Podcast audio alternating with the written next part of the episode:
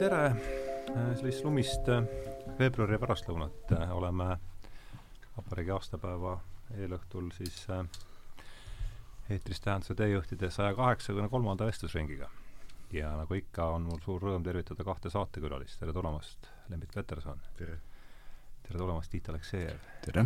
Tiit, siis teist korda äh,, kolmandat korda oled sa, eks ole? me rääkisime sellest Stephen Kotkini Magnetmäest ja sinu raama, sinu sellest äh, tetraloogiast. eks ole, Andreas oli seal mõlemal korral jõuestuspartner, eks, ja Lembit on saates esimest korda. aga mõlemaga teiega on ilmunud siis intervjuu äh, selles äh, laual olevas lehes, Lembituga siis kaheksateistkümnendas numbris, mis oli pühendatud palvele ja ja, ja Tiiduga siis üle-eelmises lehes, mis oli äh, pühend-, teemaks oli Masin ja meie. Ja, ja tänasel saatel on nagu ikka ka oma eellugu ja see eellugu viib selle siis kursuse sarjani, mida mul on siin suur rõõm ja vabadus olnud teha alates kahe tuhande kaheksateistkümnenda aasta sügiselt, on siis olulised raamatud ja ja üheksanda hooaja ühe külalisloengu pidas siis Tiit Aleksejev ja raamatuks oli Lord, jah, korrati Lord Jim. Ja Tiit ütles seal lause, mille ma kohe nagu jäi kohe mulle niimoodi pähe pöörama, et äh, Shakespeare'i kõige konradlikum kangelane on kuningas Lear et see on see, kus see mõte tuli, see saade teha siis äh, Liirist ja ja noh, sealt edasi juba siis tuli kõne Lembitule ja Lembit kuidagi, ma olin väga rõõmus, et sa kohe haakusid sellega, et äh, et hakkamegi sealt pihta, et äh, oli selge äh,, sest lühike, lühikesest kõnest oli selge, et see teema läheb sulle korda. miks? no teema läheb korda sellepärast, et äh, minu liirini jõudmine on olnud äh, päris pikk teekond tegelikult ma mõtlen seda, et et äh, ikkagi mõeldes ka näiteks Järveti kuningas Liirile, see Phil Kosinsevi filmis, esimene seos, mis meil kõigil tekib. Liiriga visuaalselt ja siis pärast juba avastad ka tema Liiri inspiratsiooni, kust ta võtnud seda on, kelle pealt ja kust ja, kui palju tal, kuidas tema seda interpreteerib lahendab. Aga põhilise tõuke üldse Shakespeare'iga tegelemiseks sain teatrikooli päevilt juba, siis Pansul, Voldemar Pansul minu õpetajal, seitsmendal ja ühendal oli siis selline plaan, et esimesel semestril puutume kokku kõige mm, lihtsamate harjutustega, mida teatrikoolis üldse ette tuleb teha, baasharjutustega, tähelepanu kujutus, kõik need asjad, ehm, suhtlemisharjutused, ja siis samas paralleelselt võetakse kohe maailma kirjanduse kõige keerulisem teos mm. tema meelest, mis, milleks oli siis Hamlet, mitte Liir tookord, mitte Liir, jah. Ja siis oli siis mm, esimene kokkupuude sellega, kus kõik lavastajad, üliõpilased püüdsid teha kontsep-, Liiri või vabandust, Hamleti kontseptsiooni, kõik andsid üksteisele ette ja siis mängisime neid stseene ka lahti Hamletist ja siis ol, hakkas see nüüd selliste, sellise autori nagu Shakespeare lähem tutvumine juba väga noorena ja siis nende teemadega, just need teemad hakkasid puudutama ja tegelikult on, olen ma talle selle eest tänulik, et need teemad on saatnud, Shakespeare'i te,, Shakespeare'i teemad mõtteainena on saatnud terve elu ja läbistanud noh, loomingus paljusid, paljusid teisigi lavastusi, kui ma hakkan nüüd vaatama. ja te, see liiri juurde jõudmine oli minul ka niimoodi, et eelnevalt äh, olen mänginud äh, mitmeid rolle äh, laval neist esimene oli siis Paul Claudel'i Maarja kuulutamises Anver Koor mm, -hmm. siis ka selle, selle eri isa ja nüüd ka siis kuningas sureb UNESCO, et kelle kelle, kelle, kelles nähakse kõiki kuidagi mingi, mingisugust nagu liirilikke jooni või liiri, liirist tulevaid inspiratsioone. ja siis õnnestus mängida ka ühes lavastuses teatrumi lavastuses ka liiri, et ja siis olla selle materjaliga silmitsi, seetõttu see teema äh, ma ütleksin, et noh, ammendamatu teema, et mingil, kui ka elu saatev olnud ja sellepärast ma nagu haakusin. ma nüüd ei, ei saa öelda, et ma tunneksin Konradi Lord Jimmy ja. nii hästi, oskaksin neid paralleele tuua, aga ma liiri teemal noh jah, läksin põlema, et, et kaasa rääkida. Shakespeare'i liiri teemad on väga huvitav, seda enam, et ma praegu olen jälle ühe Shakespeare'i lavastuse äh,, lavastusega ametis, kui niimoodi võib öelda, ja see on siis äh, Mõõt mõõdu vastu aga Tiit, no see, see, see siis see sild Konradiga tekkis, nagu ma ütlesin, sinu, et, et anna seal palun natukene, mis sa mõtlesid, kuidagi see kohe mul haakus jällegi see, see la-, see, see mõte, aga et anna sellele, sellele palun natuke värvi juurde, et ja see toonane võrdlus äh, tuli, tuli äh, iseenesest ja, ja juhuslikult ja, ja mõistagi kronoloogiline ühtsus on siin äh, meelevaldne, aga mina olen siin äh, erinevat Lembit äh, Petersonist, ähm, keda võiks võrrelda siis meie kontekstis astrofüüsikuga, kui me jälgime universumit, siis mina ja ilmselt ka sina, Astro, me, Hardo, me oleme sellised tähistaeva vaatlejad, kes, kes rõõmsalt hüüatavad, et näe, jälle täht ja, ja jälle värav aga, aga tõsi on see, et äh, tõesti Kuningas Liiri ma olen läbi aastate lugenud ja üle lugenud ja otsinud äh, erinevaid, äh, erinevaid lavastusi, õigemini kasutanud võimalust neid, neid vaadata ja ja see näidend on tõesti fenomenaalne ja, ja era, erakordne, nagu on terve Shakespeare'i fenomen, võib-olla me peaksimegi siin kuidagi piiritlema või sõnastama, millega me vastamisi oleme, et äh, Harold Bloom on öelnud, et ta on, äh, ta on äh, kakskümmend aastat Shakespeare'i õpetanud, aga ta ei saa seniajani aru, kuidas säärane autor võib olemas olla. ja mina ei saa ka sellest aru ja nüüd kõigele lisaks tegemist on, tegemist on maailma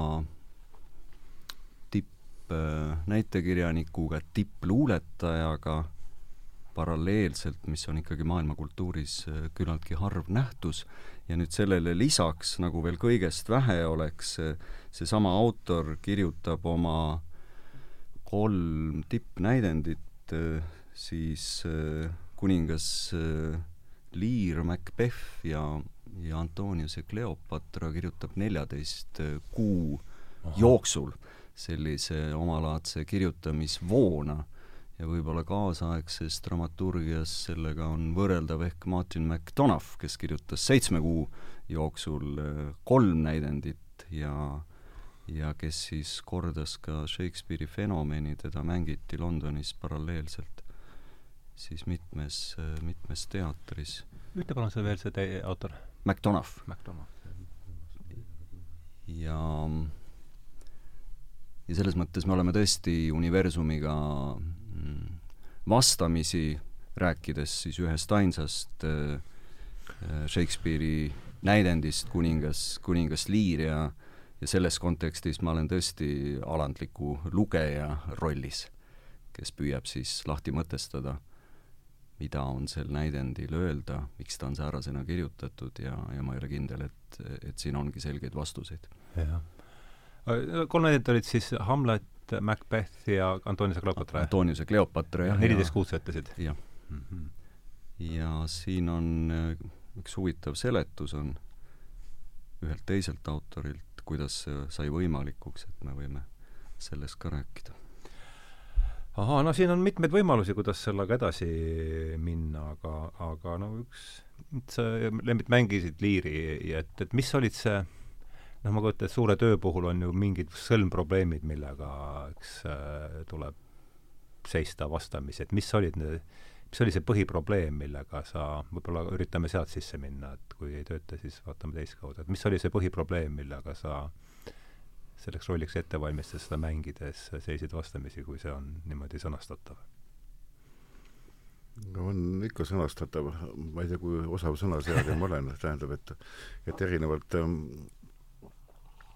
ütleme, intellektuaalset lähenemist, et lähenemisest, mis on näitlejal ja lavastajal ilmtingimata ka vajalikud. niisugune mõistuse luure, aruluure ja kujutlusega töö, et olen ma siis praktikuna, ütleme selles mõttes praktikuna, et Shakespeare, eeldan seda, et Shakespeare on näidendit kirjutanud eelkõige nagu mängimiseks. Et, et on lavatekstid, stsenaariumid ja nad hakkavad avanema just läbi tegevuse läbi selle, kui sa astud nendesse olukordadesse, astud nendesse atmosfääridesse, nendesse pingetesse, konfliktidesse, vaimsetesse mm -hmm. ülesannetesse, mis ees seisavad ja ja hakkad tegutsema nendes antud olukordades, reage-, reageerima mm -hmm. nendele sündmustele, mis seal aset leiavad, mis on nagu teinekord ikka pöörases, pöörases kasvus ja pöörases tiheduses ja ootamatute käändudega ja sellepärast on mu tunne, et minu keel võib-olla natuke, olen natuke kidakeelsem kõiki neid asju analüüsima kõrvalt vaadates, eriti siis, kui oled korra seal sees käinud, sest et et kui ma mõtlen, mõtlesin selle peale, et ma teadsin, et see, seda laadi küsimus võib ilmselt noh ka tulla, et vestluse teemaks, ja mul tuleb lihtsalt meelde ainult äh, kõigepealt esimesena äh, lõpp. Äh, tähendab, liiri lõpp, antud juhul näidendil veel ei lõppe sellega, kui, kui liir nii-öelda lõpeb, aga ta ei ole ka tegelikult ei lõpe. et kunagi mm, Hamlet näidend lõpeb sellega, et mitte et lõpp on vaikus, vaid et see, mis jääb, on vaikus mm. -hmm. The rest. Ja sa, mina olin kogu aeg kuidagi alateadlikult nagu häälestanud selle, et lõpp on vaikus, aga lõppu ei ole, tähendab, see, jääb vaikus. ja nüüd on, kui Shakespeare'ist rääkida niimoodi, nii kuidas mina teda tajun, see ei ole kellelegi kohustuslik, on, tähendab, et just see, mis on teatri puhul kõige võluvam, erinevate vaikuse vibratsioonide edasiandmine mm. Noh, mis, seda annab edasi ka muusika, aga muusika annab seda läbi eh, mängijate instrumentide ja teistmoodi mm. -hmm. nüüd näitleja annab edasi seda läbi omaenese eh, füüsise, mis on seotud hingega ja, ja vaimuga, no terviklikult, olles mm -hmm. ise nende asjade keskel mm. -hmm. ja muutudes mõnes mõttes siis inimesena ka osaks sellest suurest näitemängust või teatrist mm. -hmm. miks ma niimoodi ütlen, on see, et eh, mulle tundub, mida rohkem ma Shakespeare'iga tegelen, ja olen tegelenud nagu lavastajana, et üks põhiteemasid äh, Shakespeare'i maailmas, äh, näitemängu maailmas on teater. kõik tegelased äh, mängivad kedagi või midagi, kas siis teadlikult või, või poolteadlikult, nii nagu ütleb, nagu teile meeldib näidendis melanhoolne narr Jacques, et, ähm, et mehed-naised on kõik vaid näitlejad, eks ole, ja maailm on lava, mehed-naised kõik vaid näitlejad, aga see on, minu meelest on see melanhoolne narr Jacques, kes seda ütleb, seda, seda lauset on omistatud Shakespeare'ile, aga noh, Shakespeare mm -hmm. ütleb seda võib-olla siis läbi Jacques'i tegelaskuju suu läbi. mis näidend see oli? nagu teile meeldib no ja äh, ükskõik millist näidet ma vaatan, kui ma selle, selle, läbi selle prisma lähenen, läbi selle, et, et hakatakse näidet mängima, siis Äh, tuleb mulle meelde lõpp, kõigepealt Shakespeare'is, kuhu ta välja jõuab, see on äh, suur asi, suur tunnetus, mis, mida meil elus on ka aeg-ajalt äh, õnn tunda, see on andestuse või halastuse seisund. Mm. -hmm ja see on minu jaoks on olnud kogu Shakespeare'i loomingu niisugune magistraalne liin või otsing. jah, see läbi, kui ma, kui ma selle võtme võtan, siis hakkavad kõik, väga paljud vähemalt uksed avanema Shakespeare'i loomingus, see on üks, teine on teater.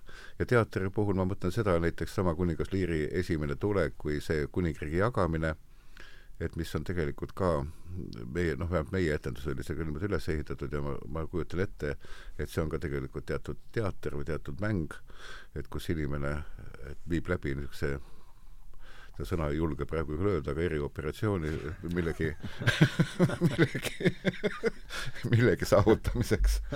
ja sama tihtipeale, kui ma, eriti kui ma nüüd praegu töötan nendega Mõõt mõõdu vastu, kus on natuke analoogiline olukord, ehkki Mõõt mõõdu vastu on kirjutatud paar aastat enne, vot on Hamlet ja Liiri vahele jääb see näidend, niisugune pro probleemkomöödia või, või must komöödia või kuidas ta, ta ei ole must, ei ole õige sõna, võib-olla niisugune tõsine komöödia, ta on pigem nagu draama, kus tragöödia ja komöödia elemendid väga võimsalt nagu põimuvad üks sala, saladuslikumaid näidendeid võiks öelda niisugune Dostojevskilik või Camuslik isegi oma sügavuselt, jah.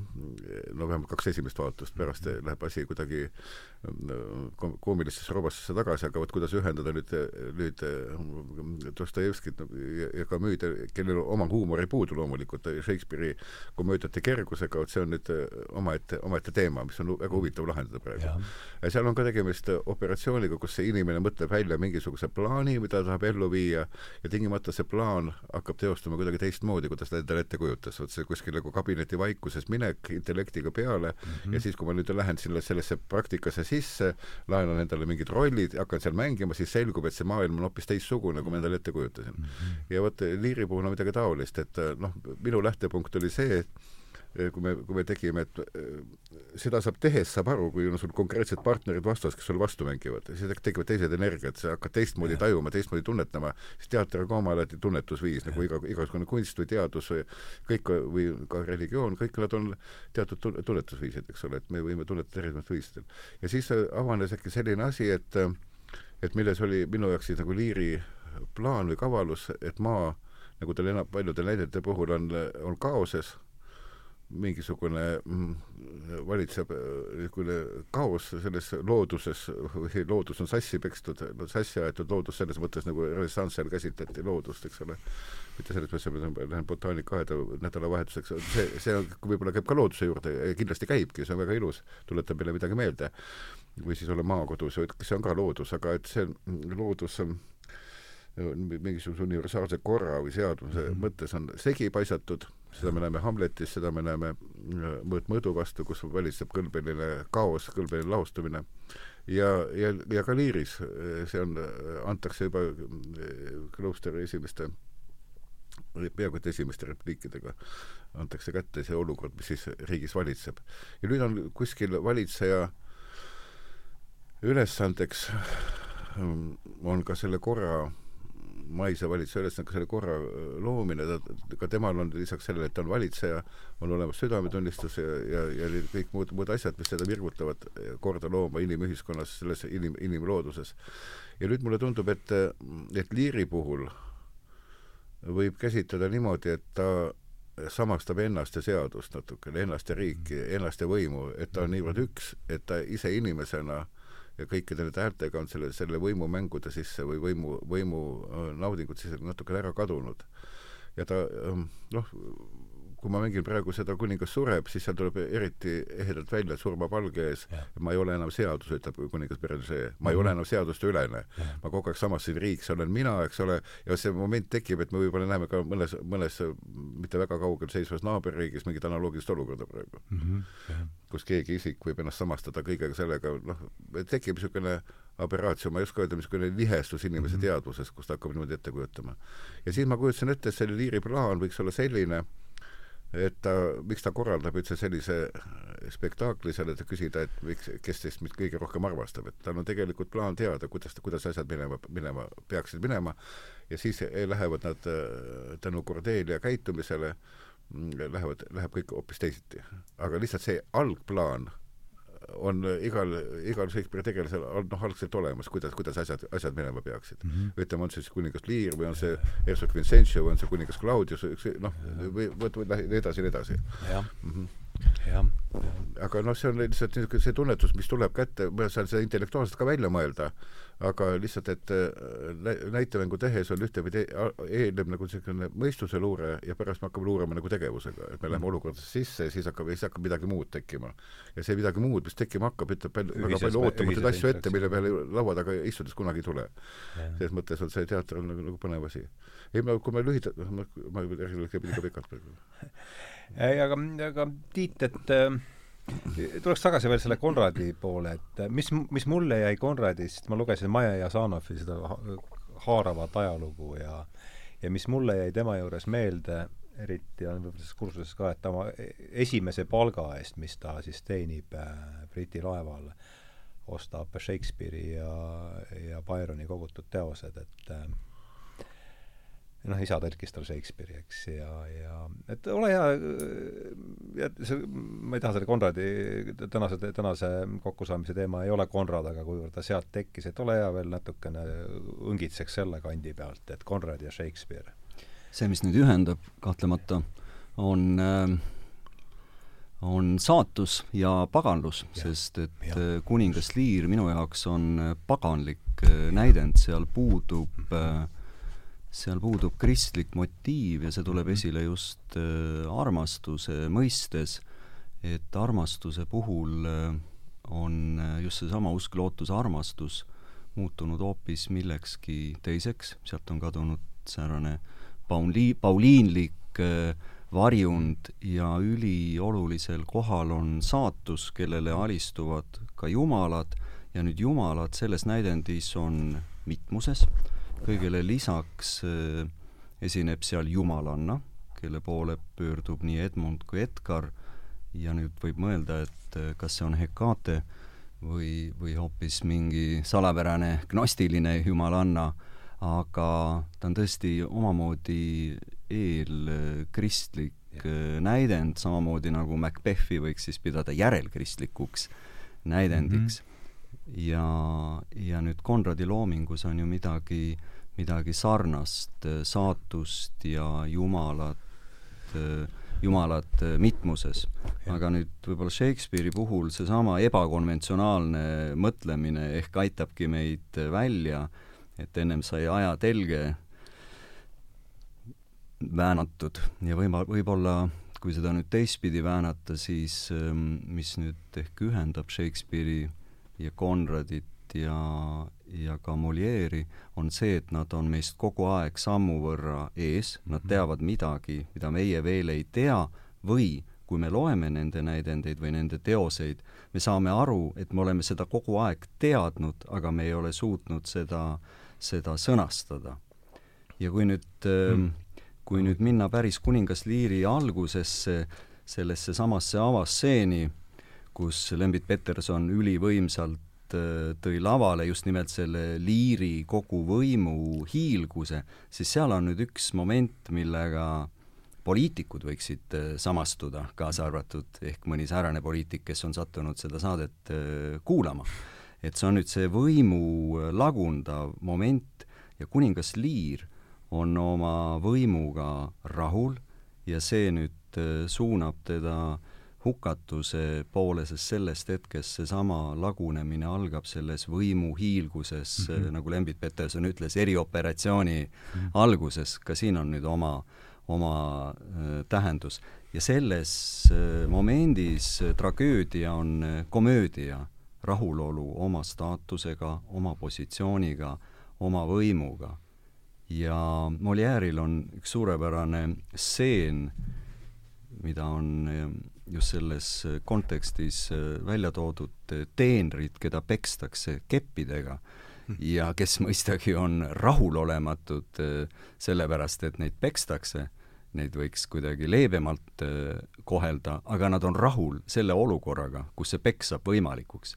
ja nüüd Liir omamoodi, see on hm. tema sellise võimu apogee, ta on oma võimuga rahul, ta eeldab armastust oma tütardelt, ta viib selle kummalise küsitluse läbi ja seesama võimu hiilgus ja, ja ka võimu nautimine, enesekindlus, tohutu kuninglik enesekindlus, saabki talle saatuslikuks, sest et juba teistsugused jõud on töös, kahel tütrel on oma plaan, sohipoeg Edmund jälgib toimuvat ja mhm. edasi laguneb äh, kõik ja nüüd see lagunemise moment on omamoodi kõhe.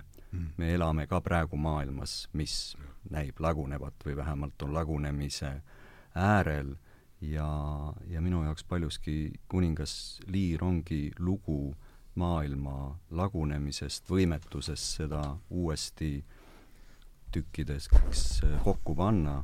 Ja tõesti, see võimumoment on siin, on siin üli, ülioluline ja ka Konradi loomingus igasugune võim on see hetk, kui sind tõugatakse troonilt alla, sa pead olema selleks valmis ja hetk, kui sa enam ei ole, siis see on hukatus.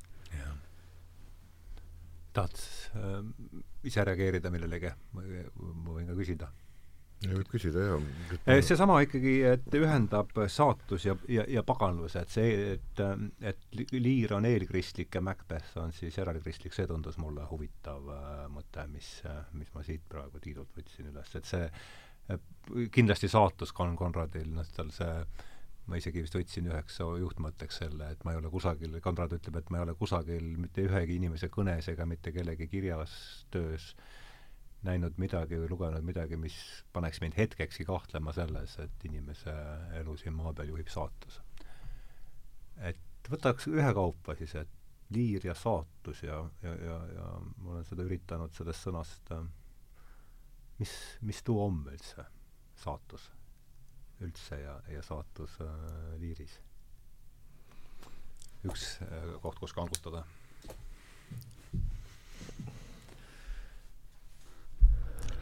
no saatus on kuidagi esimene kujutlus, mis nagu tekib, meil on ette antud rada.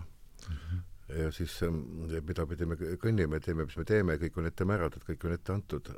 Ja ja tähendab, et kuskilt nagu ette programmeeritud, eks ole me oleme mõnes mõttes nagu millegi mingis maatriksis, ma mm -hmm. saan niimoodi aru. Yeah aga et kui räägime kristlikust plaanist, siis on ettehooldus või et me saame, et meil on ka vaba tahe vaba tahte juurde kuulub ka vastutus, mis tihtipeale meelest ära läheb või tuleb meelde ainult vastutus ja vabadus läheb meelest ära, tähendab see teine, teine pool on ka sagedane mis võib kinni panna, aga tähendab, et vabaduse eesmärk või vabaduse mõte ähm, noh, milleks on armastada, läheb kaduma. ja kuidagi mulle tundub, et liiris on keskne teema siiski ka ühtepidi kadumine, aga see lagunemine hakkab armastuse kadumise, armastuse lagunemisest pihta mm -hmm. minu jaoks. muidugi selleks me ja kui ma nüüd tulen selle algusestseeni juurde tagasi, et siis ma sain kuidagi äkki, tajusin äh, selle liiri puhul, mida mina sel hetkel tegin nende partneritega, nende lavastajate ja kunstnikega ja kõik, kes kaasa tegid, tajusin seda, et, et äkki on liiri üks, ühe versioonina ma pakun välja, äkki on liiri üks salamõte või plaan tegelikult selles, et ega ta ei kavatsegi ju tegelikult võimu käest ära anda päriselt. Ja ta ei saa iseennast ära anda, eks ole, see on nagu paradoksaalne, et selleks, et anda, kui ma võimuga samastun, eks ole, siis ma, et kui ma annan võimu käest ära, siis ma annan ka iseenda käest ära, et, et kes, kes siis on.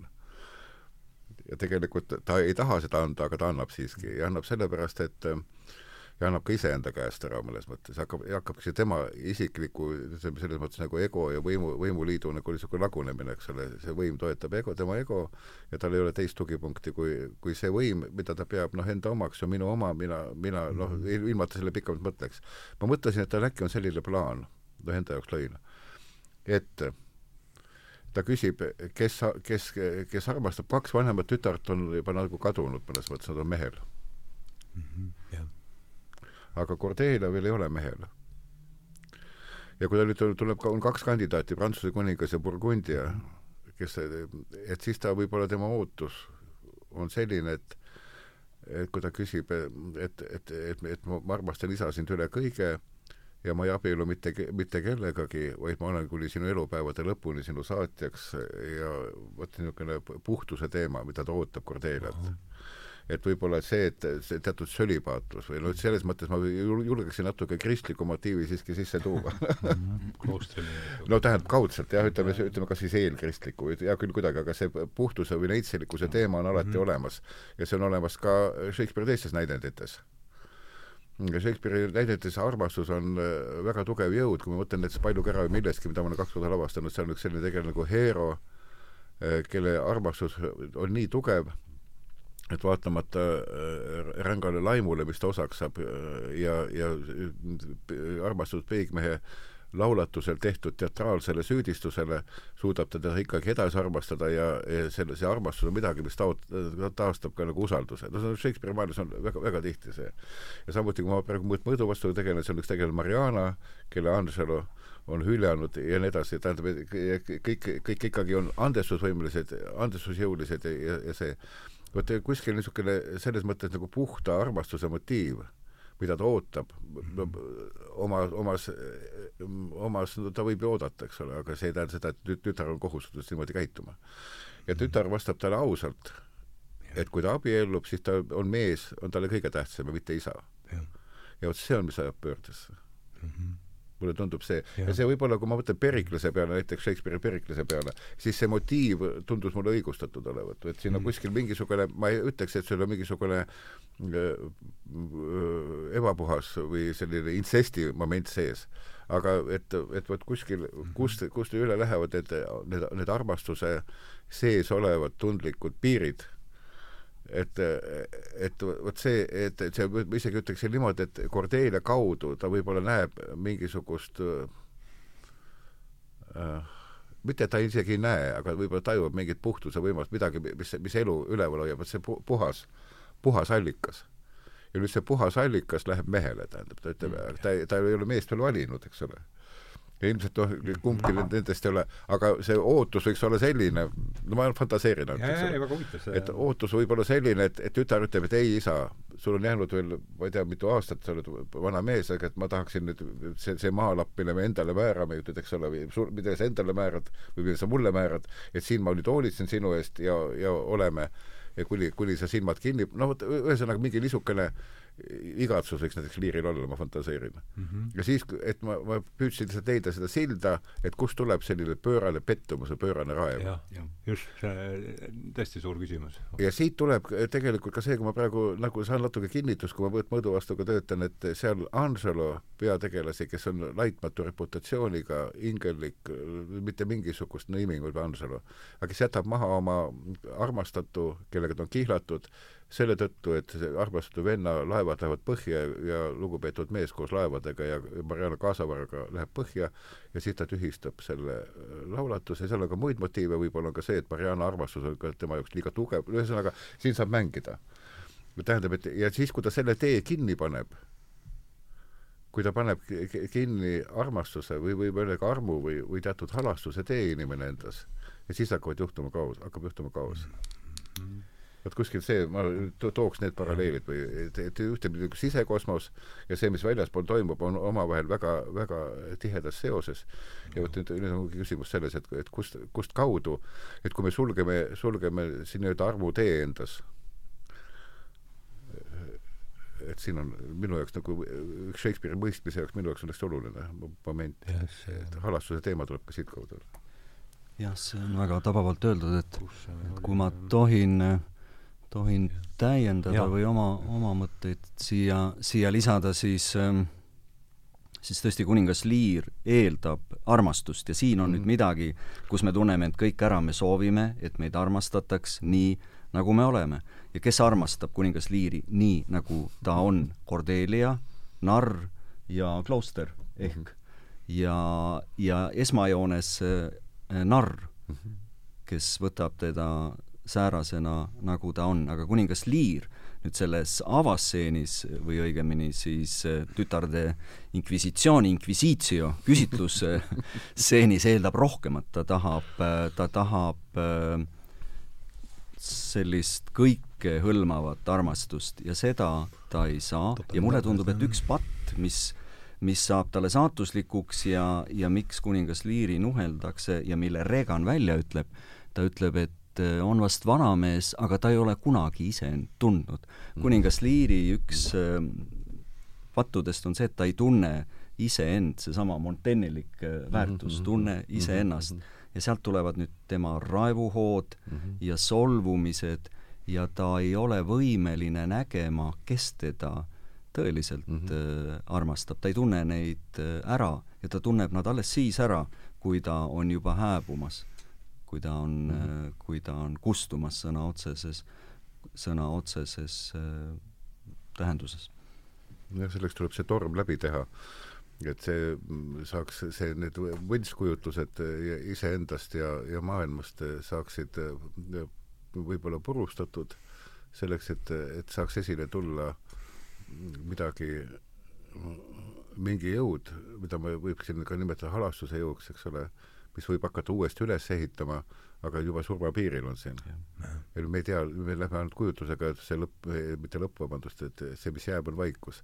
ja sellepärast mulle see, see vaikuse teema, et kuidas nad läbi edasi lähevad, läbi etenduse või, ja, ja, ja igavikku tähendab, et see on äh, lihtsalt nagu muusika kuulamise teema, no mõnes mm -hmm. mõttes sisemise kuulamise, isegi mitte muusika, aga sise, no see, mis te, mida tekitab kunst, mida tekitab muusika, mida tekitab elu meis mm. -hmm. ja sellepärast on, mulle tundub, et ka teater on hästi oluline märksõna talle, et ta, et see, et ähm, ähm, Shakespeare'i komöödiad nagu põhiliselt tegelevad ka ju armastuse teemaga, sõpruse teemaga ja need on põimingus, aga kõige selle läbistavad teemadeks on näivuse ja tõelisuse teemad, mis on tõeline, mis on näiv.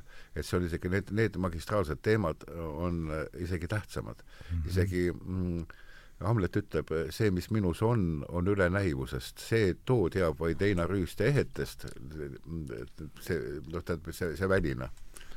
et, et et, et aga siis see küsimus, mis, mis võib-olla ka Shakespeare'i ees on ja kõigiga, kes Shakespeare'iga tegelevad, kui natuke kuulata sisse, et mis asi siis see on, see, mis on mm -hmm. ja mis näib. et kuidas seda eristada, kus me mängime kus me teeme nii-öelda teatrit, et tehakse teatris, õnneks on see teater, mida tehakse laval, lavale loodud elus, see pole see teater, mida tuuakse, mida mängitakse nii-öelda salaja, et teised ei tea, et sa teatrit teed, aga ta peegeldab, see teater peegeldab sellist teatrit, mida tehakse nii-öelda maailmas, kus inimesed teevad teatrit, ilma et teine teaks, et sa teatrit teed. ta võib nimetada pettuseks, kavaluseks, ma ei tea, milleks tahes, igatahes mitte kunstiks mm. -hmm. et no vot kuskil ma ei tea, kas sul tuli arusaadavaks, aga, aga kuskil nii ja naa, jah. aga mulle tundub, et, et see näivuse ja tõelisuse teema noh, läbistab, läbistab ka seda no ka, ka mitte ainult komöödiaid, vaid ka tragöödiaid, et, et mis on, mis on nüüd ehte, mis on päris, see, mis jääb. mis on mäng ja mis ei ole mäng, tähendab, et noh, et mis on teater ja mis ei ole teater, et ta nende teemadega tegeleb, tegeleb tegelikult ka.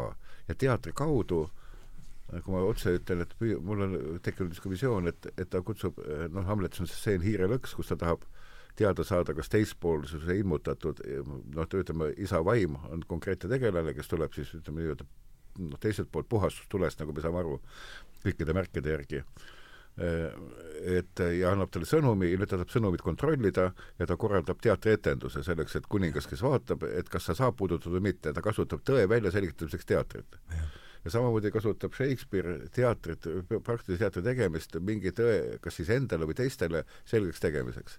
et see on tema tunnetusviis ja nüüd, kui publik istub saalis, ta elab kaasa kas siis Hamletile või Liirile, ta teeb tema teekonna kaasa ja paralleelselt ta on selles olukorras nagu sees teatrimängu läbi ja kogu aeg temast tekivad need variandid, mismoodi võiks olla, mismoodi, et kus on näivus, kus on tõde. kus, kus näiteks Hamlet eksib, kus Liir eksib, aga ta enda sees, ütleme selle negatiivi läbi mõnes mõttes võiks niimoodi öelda, tekib, peaks temasse tekkima rääkima siis nagu positiivseda vaadates. et noh, et teater no ma, ma panen, no vähemalt niimoodi mõelnud jah, et neid lähenemisi on erinevaid ja väga palju, aga et teater on ka omamoodi nagu hiirelõks, et kuhu püütakse vaataja teadvus, kes hakkab si-, kes siis vastavalt reageerib ja kellest siis hakkavad tekkima mingisugused protsessid, kes kuidagi kujuneb teatrit vaadates ke,, kelle hing või vaim saab, saab natuke kujundatud, kaasa võetud, millegi üle mõtlema mhm. pandud eh, ja kuskile juhitud mm. -hmm. noh, ma saan, võib-olla räägid selle pikalt, et ma sellepärast pole põhjust muretseda. aga ma mõtlesin, võib-olla kangutaks nüüd selle koha pealt, kas äh, mäletan ma õigesti, et äh, siis Liir äh, on kuus tuhat kuussada viis, viis, jah. et mis on üldse need äh, ajaloolised mis, mis konteksti see mm, äh, kuningal on veel pea, on, kuningal on veel pea, äh, kas meil ei ole siis, kes, kes on üldse kuningas meil sel ajal, millal Charles tuleb võimule? James Esimene. James Esimene, muidugi jaa, õige, muidugi jah, jaa, jaa, James Esimene, absoluutselt jah. tuhat kuussada üksteist on King James piibel minu meelest, kui ma õigesti mäletan, eks, jah mis toimub äh,, võib-olla sa ajaloolasena siin natukene suht mõne minuti vältel, et seda, seda ajaloolist äh, tausta, mille, kust, kus Liir esile kerkib, sest ta on selgelt millelegi, millelegi Shakespeare. miks, miks just selline hiirelõks äh, püsti pannakse selles, selles näidendis? ma ei ole kindel, et, et ajalugu siin meid väga palju aitab, et tõesti selline vananev kuningas foonil on ehk abiks, aga aga Shakespeare'i looming on mitte ainult ajatu, vaid see liigub täiesti tundmatus mõõtmes ja, ja võib-olla sellises kujutavas kunstis näide, mida tasub ehk tuua, on prüugel, prüugeli mhm. Kütid lumes. et seda ei õnnestu paigutada maalikunsti kaanonisse või tolleaegsesse mm. maali, see on midagi kosmilist ja Tarkovski ju kasutab Solarises sedasama mm -hmm. maali, mida siis äh, näidatakse mitmest, mitmest rakursist ja nüüd minu jaoks Kuningas Lear on samamoodi kosmiline näidend, millel justkui ei ole maise ajalooga suurt äh, pistmist. ja Shakespeare mõistagi oli nüüd äh, nii äh, kogenud autor selleks ajaks, et ta poetas vajalikud referentsid, võib-olla isegi mõned komplimendid, aga ta kunagi ei ülistanud võimu või ei kritiseerinud äh, ütleme siis opositsiooni, vähemalt mitte selles näidendis, et see, see näidend on tõesti, kui me ennem rääkisime siin tähistaevast, et see, see näidend on, on pigem äh, sealt, sealt see ju ei asetu Inglismaa ajalukku, nagu ta on need äh, mul, mulle tundub, et seal on hoopis mingid teised, teised jõud liikvel, et loomulikult seal on omad eeskujud, aga selleks, selle näidendi kirjutamise ajaks Shakespeare on juba nendest eeskujudest eh, vabanenud, Christopher Marlowe ei jõua kunagi säärasele, säärasele kõrgusele, noh, ta sureb ka kahekümne üheksa aastaselt, ta on Mhm. nii noor, või tapetakse, mitte ei sure. ja, ja nüüd äh, kuningas Learis äh, Shakespeare liigub äh, säärases ähm, koordinaattelestikus, mida ei ole ei enne teda ja ma kahtlustan, et ka, ka pärast teda. et siin tuleb tõesti mõõta teda millegi muuga ja ja millega Harold Bloom on teda mõõtnud Hmm. mm., on genooma, see on selline omalaadne gnostikute äh, universaalne tühjus või, või kõledus. ja nüüd äh, kuningas Liiri maailm või kuningas Liiri kosmos ongi sellest genoomast kantud ja ja nüüd seda näidendit äh, lugedes minul puudub äh, säärane isiklik äh, kogemus, äh, nagu on Lembit Petersonil, aga minul tekib alati küsimus, et aga mis siis, kui maailm ongi selline? kui seal ongi säärased jõud liikvel ja ainsad, kes läbi tulevad sellest maailmast, on nüüd Edmundi sugused tegelased, kes esindavad ähm, teatud äh, külma kurjust, kellel on plaan ja kellel nüüd ei ole suurt äh, lugu ei armastusest, ei kiindumusest, ei pojatunnetest, et neil ei ole emotsionaalset seost maailmaga, et neil on ainult oma skeem, mis enamasti on suunatud võimu haaramiseks. ja nüüd Edmundi tegelaskuju selles näidendis on tõesti fenomenaalne, sest et temaga on võimalik äh, samastuda just tema vabaduse läbi, ta on vaba igasugusest äh, seosest ja kuningas Liir on ikkagi oma tunnete vang mm. -hmm. alles lõpus saab ta, saab ta neist lahti. Edmund on vaba tunnetest, enne surma ta ütleb teatud rahuloluga, et näed, ka mind on armastatud. aga nüüd äh, armastus, mille ta justkui on välja teeninud, ehk siis äh, Regani ja Connerilli armastus, ta on pannud mõlemad õed endasse armuma ja siis ütleb rahulolevalt, et näed, nüüd need kaks äh, rästikut jälgivad teineteist ja mina saan minna oma eesmärgi, eesmärgi poole. et see maailm on äh, kõle ja ta nõudlust äratav ja nüüd läbi kogu selle kõleduse tulebki esile siis liiri ja narri ja kordeeli ja suurus, et nad jäävad äh, noh, inimlikeks Mm. kõigis neist, kõigis neis kannatustes aga nüüd äh, sinu küsimusele mitte vastates, sest et äh, esiteks ma ei oska sellele vastata, teiseks ma ei ole kindel, et, et see meid aitab, et tõesti seal nüüd selle konkreetse näidendi puhul või jah, tolleaegse Inglismaaga võib-olla Lembit Peterson äh, teab rohkem ja aga minu arvates siin nagu ajalugu meid väga palju ei aita. ei, ma ei tea, tegelikult ma olen lugenud muidugi, aga lihtsalt, et kuna ma ei ole ajaloolane, siis mul on see mälu pilt on nagu teistsugune, et ma, kui ma hakkan mingit kronoloogiat üles ehitama, siis ma peaksin kuskilt maha lugema või no vahetult enne sellega tutvuma. Et seda ma kindlasti ei oska, mul praegu jäi Tiit Aleksejevi jutust kõrva äh, see äh, liiri, äh, narri ja Cordelia suurus. Ja ma mõtlen, et kus ma selle tuletasin, selle esime-, esialgse puhtuse igatsuse, et kui tas ei oleks seda algsele sees, kui tas oleks ainult see totaalne ego, et siis ei oleks mingit, mingit tragöödiat või noh, tähendab selles mõttes, et inimeses isegi siis, kui ta on äh, ma ei tea, meeletu võimu pimestuses või võime, et isegi siis säilib temas mingisugune äh, aspekt, noh, mis siis kas hävib, kui see muu kaob, või siis äh, vastupidi, tuleb esile, et no kuidagi liiris on see lõpp, kuidas siduda algust ja lõppu omavahel, et see on väga tähtis kompositsiooniliselt ka juba, eks ole. et järelikult see seemnekene või see võimalus on, potentsiaal on olemas. nii nagu meis on kõnelemise potentsiaal, eks ole, olemas, aga et kuidas me kõnelema hakkame, see sõltub sellest, kes meile kõne, kes meid kõnelema õpetavad ei, et no see Benedictus kuueteistkümnes toob sellise võrdluse isegi südametunnistusega, et ka südametunnistus, et kui meil oleks nagu mingi kõnelemisorgan, aga et meil on ka mingisugune südametunnistus on ka nagu teatud organ, aga väga tähtis on see, kes õpetab seda organit nüüd, eks ole, kes kes ta välja kujundab mm. -hmm. et kuidas see kujuneb. Et see on hästi tähtis ja vot kuidas kujuneb nüüd äh, liiris see tunnetus, et, et hämmastav on see, et see äh, see pimestav viha, eks ole, mis see tema ebaõnnestunud no, mängu tõttu teda valdab, eks ole, mis hakkab purustama, mis loob ta plaanid teistsuguseks. Ja ta hakkab kohapeal improviseerima kõike seda, mulle tundub, kõik need viiskümmend sõjamehed ja keda, kuida-, kuidas nüüd elu läheb, et see on kohapeal viha, vihast tingitud improvisatsioon, mis ei ole enam läbimõeldud plaan ega läbi tunnetatud, see on, keegi on teda haavanud. Ja ma hiljuti kuulsin ühte tsitaati, et, et armastuse vastandiks ma jäin selle üle mõtlema, ma ei tea, pean selle üle veel mõtlema kaua, aga et kas see vastab tõele või mitte sellest aspektist, et kuidas nüüd tõemeelt kõnelda, kõnetab, et armastuse vastandiks ei ole mitte vihkamine, nagu me oleme tavaliselt harjunud mõtlema, vaid et äh, vihkamine on haavatud armastus. Mm.. ja armastuse vastandiks on hoopis hirm ja päris huvitav mõte, kuidagi äh, nagu vabastas mind mingisugusest stampmõtlemisest, et armastus, vihkamine, need polaarsused.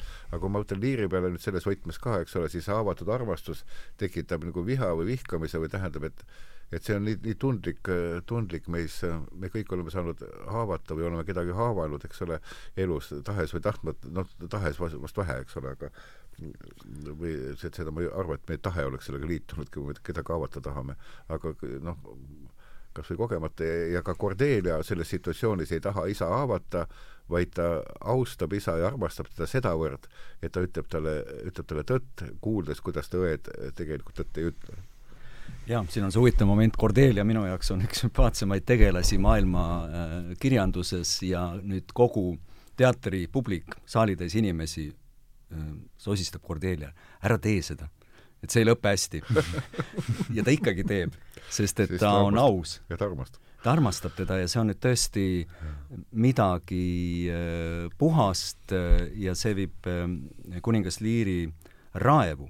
aga nüüd armastuse teemaga, Tom Stoppard on kirjutanud näidendi Armastuse leiutamine, The Invention of Love ja ja mina olen lugenud säärast pöörast teooriat, et Shakespeare on, on armastuse leiutaja äh, mitte avastaja, aga leiutaja, äh, säärasel kujul, äh, nagu armastus jõuab romantismi. jah, ma olen ka kuulnud midagi. ja et ta, et ta, ja sinna võib-olla saab tõmmata paralleeli Molière'i ja Shakespeare'iga, et mõlemad äh, loovad inimsust mm, -hmm. leiutavad inimsust, nad ei kaardista seda, nad ei kirjuta moodsat seda üles. Inime, moodsat inimest, eks ole. nad on äh, justkui sellised omalaadsed äh, pantokraatorid või mm, -hmm. või inimsuse ehi-, ehitajad. mõistagi need tunded on ju olnud äh, enne neid, aga, aga nad äh, panevad pildi teistsugusena, teistsugusena kokku. ja kui me nüüd vaatame kuningas Liiri armastust või armastuse liiki,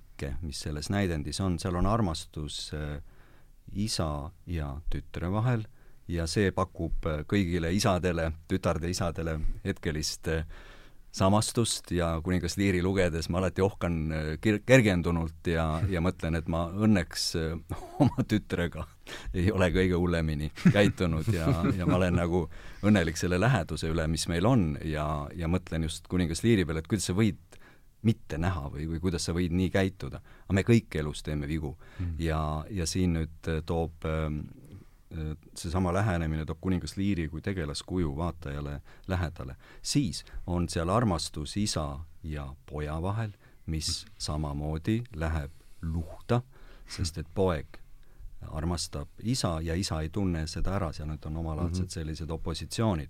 siis on äh, sohipoeg Edmund mm. ja nüüd armastus või mittearmastus, selline omalaadne desamuur, mis mm. on siis Regani, Connerili ja, ja Edmundi kolmnurgas, mis on iha mm.. ja, ja, ja nüüd selline puhas mehe ja naise armastus siis võib-olla platoonilises tähenduses või, või tõesti sellises üleneva armastuse tähenduses, selleni kuningas Liiris ei jõutagi see register puudub, sest kuningas Liiri abikaasa on surnud, ta mõtleb oma abikaasale teatud irooniaga ja, ja nüüd mehe ja naise vaheline armastus pigem on midagi hävitavat selles näidendis, Edmund hävitab kaks õde ja lõpuks hävib, hävib ise ja, ja armastus on tõesti seal selline omalaadne tume, tume jõud.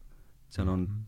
tohutu või, või väga puhtal kujul äh, sõprus, mis noh, läheb üle samamoodi armastuseks ja, ja isa ja tütre armastus, aga, aga mingid, mingid registrid on puudu ja sellest hoolimata nüüd armastus kui selline on täiuslikult äh, kaardistatud, et see on mind alati jahmatanud selle, selle näidendi puhul no ma võib-olla, kui kuidagi see paralleel tekib selle mõistega jälle negatiiv, mis ma ütlen, et kui me vaatame seda, et miks sa, miks see isa niimoodi käitub, et küll on hea, et ma niimoodi ei käitunud, et võib-olla see näidete vaatamine ongi selles mõttes lõks, et ta äratab meis nüüd igatsuse selle tõelise õige käitumise järele, et me ise ei käituks nii ja et me armastaksime õigemini, tähendab, see Shakespeare'il on kuidagi see sohilapse teema mitmes näidendis, mitmes näidendis sees ja kuidagi see sohilapse nagu Edmund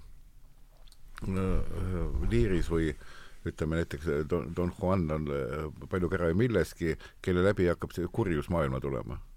et kuidagi need kurjuse lüüsid või kurjuse teekond hakkab tulema läbi selle tee, no Shakespeare'i maailmas mitmel, mitmel pool, just see, kus on abielu kord või abielu armastus rikutud vot, vot kuskilt sealt hakkab midagi tulema, siis see on hästi tundlik teema ka, vot selle kaudu nagu, et, et maailmakord on läinud ka sassi, eks ole, ja see, siin me võime vaadata, et jah, et et see on, see on huvitav, huvitav moment, et või kui rääkida sellest, et, et sellist puhast armastust nagu eksisteeri, et, et võib-olla see puhas armastus ongi nagu and kõrgemalt poolt, nii nagu halastuski, et mis mm, -hmm. mida me ei saa vastu võtta siis, kui me hakkame ehitama iseennast väljaspoolt ilma temata.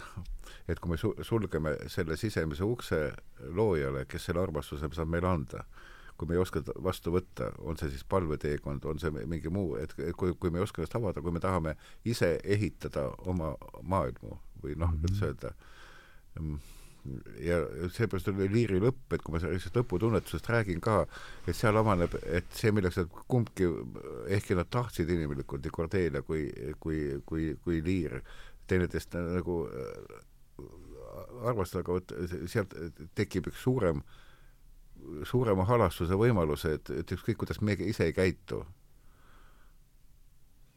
on olemas üks kõrgem, kõrgem alastus, mille me võime vastu võtta, kui me natukene avame ennast. et see, see on kuskil see, see teema mulle tundub, et on sees, mis on puha, puhtalt nagu kristlik teema mm -hmm. ja millest räägivad ka tegelikult neli evangeeliumi, millest nad räägivad, nad räägivad sellest, et meil on äh, üks armastav isa, kes meid lõputult armastab, eks ole, see on nelja, kogu nelja evangeeliumi niisugune keskne, keskne telg, võiks öelda niimoodi.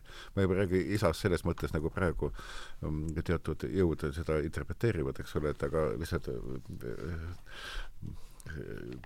et et nii nagu ta, nii nagu, nagu, nagu ta on et noh, et, et kuskil eh, eh, Shake-, ütleme niimoodi, et kui Shakespeare kujutab ka, ka paganlikku maailma või seda kosmost, eks ole, kus puudub eh, looja, kus seda sisse ei lasta, siis ta, siis ta võib-olla, võib-olla ma jälle ütlen võib-olla, eks ole, teatriinimesele, et see maagilise kui, eks ole, kui see nii oleks, et siis ta nagu püüab meile näidata, et seda võimalust, et kui see sisse lastakse, kui see sisse lasta, et siis ta, et ta ise kindlasti vaatab, nagu mulle tundub, noh, minu interpretatsioonis või kujutluse on ta ikkagi kristlik autor, et ta vaatab kristliku pilguga asjadele. isegi siis, kui ta kujutab mitte kristlikku asja. ega ta ei saa sellest välja. jah, no ta ei saa, ja, ja ega ta ei tahagi võib-olla, võib-olla see, see otsing ongi siin, otsing ongi selles suunas, et kuidas äh, äh, jah, ma Mõõt Põldu vastu tehes praegu just, just vaatan, mis on selle eksperimendi kese, mida, mida Herzog tegelikult uurib, mis, mis teda huvitab noh, seal on näiteks stseen, kus kus äh, on noor paar, nad on, ei ole abiellunud, nad on kihlunud, aga enneaegselt saanud lapse, enne kui vanemad sellega nõustunud oma varanduse andmisele kaudu. Ja nüüd rakendatakse seadus, mis iga kõlvatu teo eest näeb ette surmanuhtluse, nüüd noormees viiakse vangi tapmisele ja siis neiu jääb siin lapseootel vangla ukse ette, et, ette. no vabandust, ma naeran, aga see on nagu ikka nagu, nagu ka koomiline. ja Herzog, kes satub kokku kohe-kohe sünnitama hakkava tüdrukuga, küsib, kas sa armastasid teda. teda, teda huvitab see, et kas sa, kas sa armastasid, jaa, armastasin, tema sind ka, ja siis oli see vastastikune patt. tähendab, ikka vastastikune, tähendab, aga vot, et see, just sellel hetkel, kui vaadata situatsiooni, kuidas olukord toimub, eks ole, keegi, kes on üheksa, kohe-kohe hakkab, hakkab laps sündima ja Herzogi huvi on, tähendab, teaduslik huvi, tähendab, teada saada, kas siin taga oli armastus, kas see eb, nii-öelda ebaseaduslik ühe, ühendus oli ka kõrgemalt poolt ebaseaduslik või oli sealt juriidiliselt ebaseaduslik, vot need, momendid on kuskil noh, nagu Shakespeare'i hästi sees, et tema, tema, tema tegelased on tihtipeale ka uurijad või sellised noh, intellektuaalid, kes uurivad mingit probleemi, püüavad lahendada enda jaoks ja see on neile eluliselt tähtis teada mhm. saada. sellest sõltub midagi väga palju. see ei ole lihtsalt niisama, et ma huvi pärast uurin, vaid see on eluliselt tähtis uurida mingeid asju. et näiteks noh, jõuda arusaamiseni kas või sellest, kuidas seda kõlbelist lagunemist riigis peatada, millised teed selleks on mm -hmm.. noh,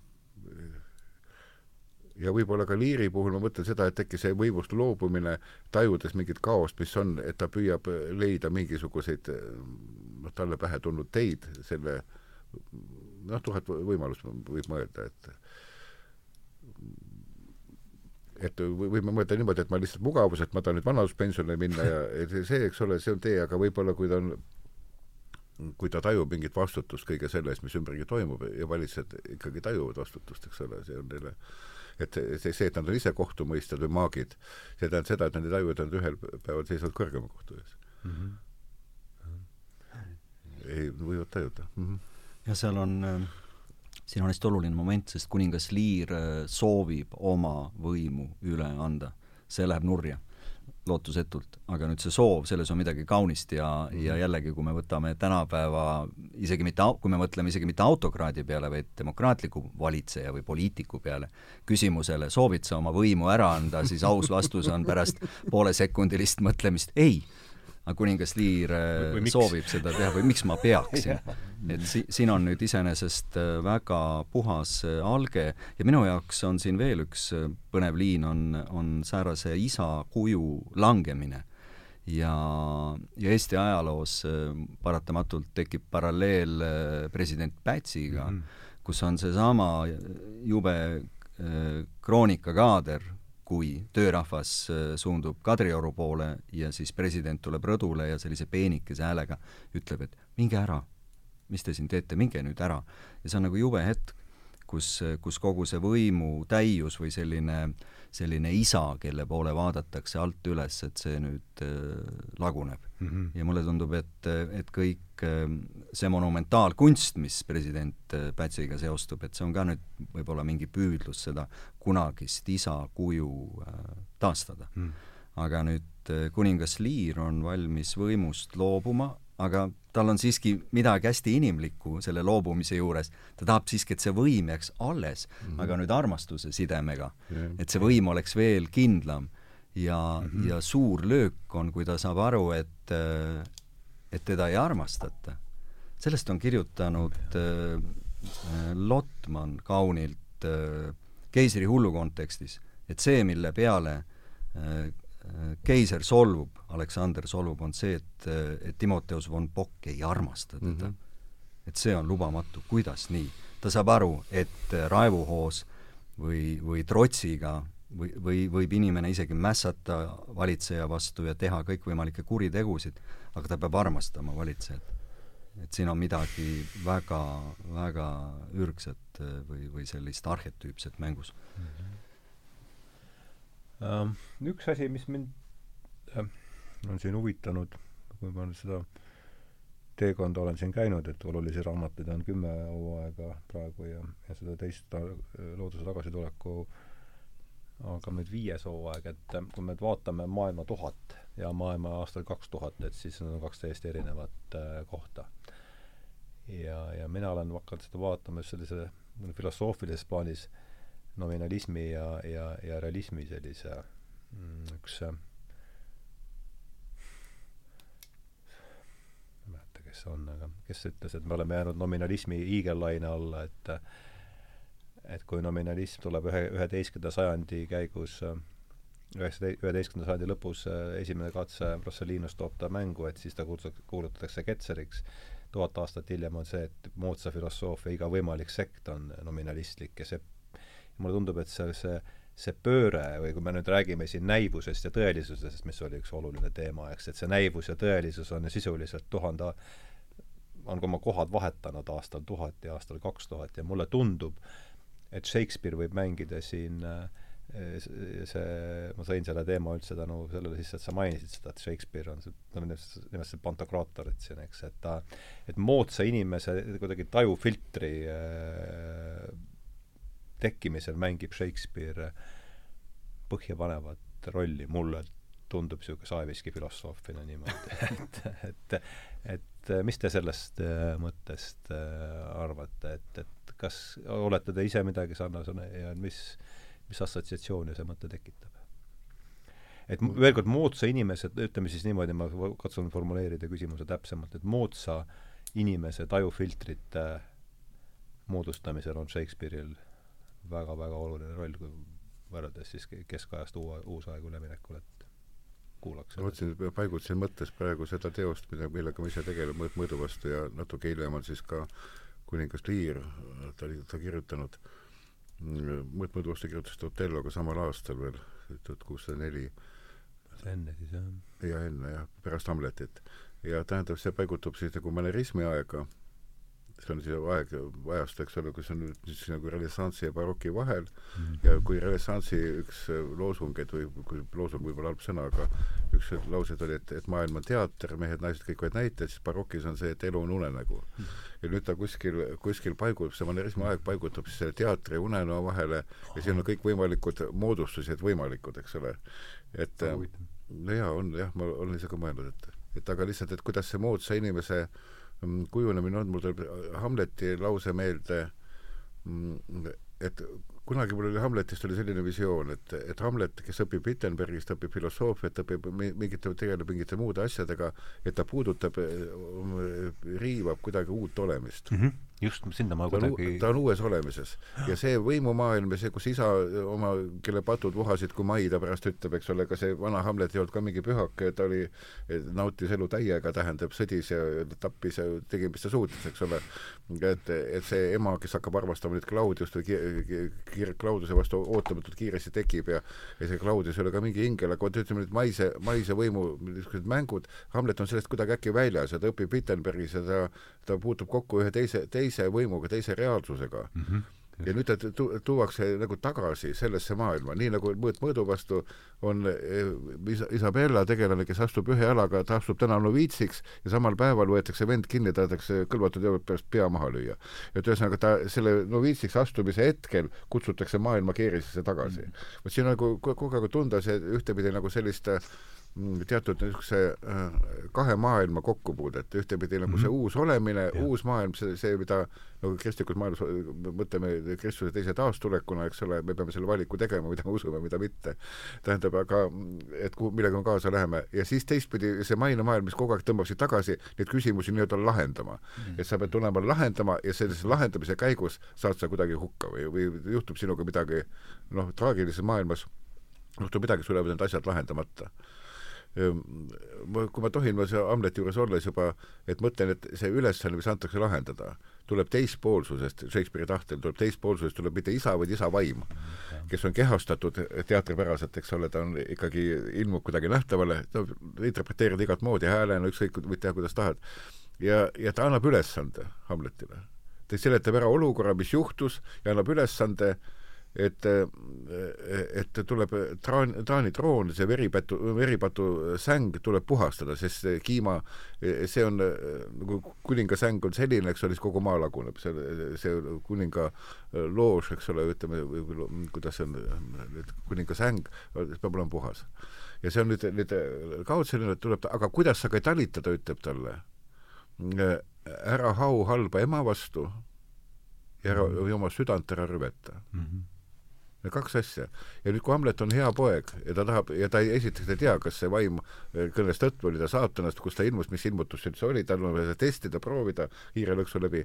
ja nüüd ta mm., nüüd ta hakkab seda ülesannet lahendama ja kui me võtame selle, kui ta ülesannet, mõtleme nii, et ta lahendab seda kuidagi tunnuliselt, ausameelselt, eks ole, et siis eh, kuidas, kuidas maksta kätte nii, et oma südant ei rüveta mm? -hmm. ja kui isa selle ülesande teiselt poolt andis, järelikult see kuidagi on võimalik hukkub kättemaks. ja vot see publik nüüd jälgib ja mõtleb intensiivselt kaasa, kuidas oleks see võimalik. milline on väljapääs milline on väljapääs. aga, aga kusjuures ma olen täitsa kindel, Shakespeare ei ütle, et väljapääsu ei ole.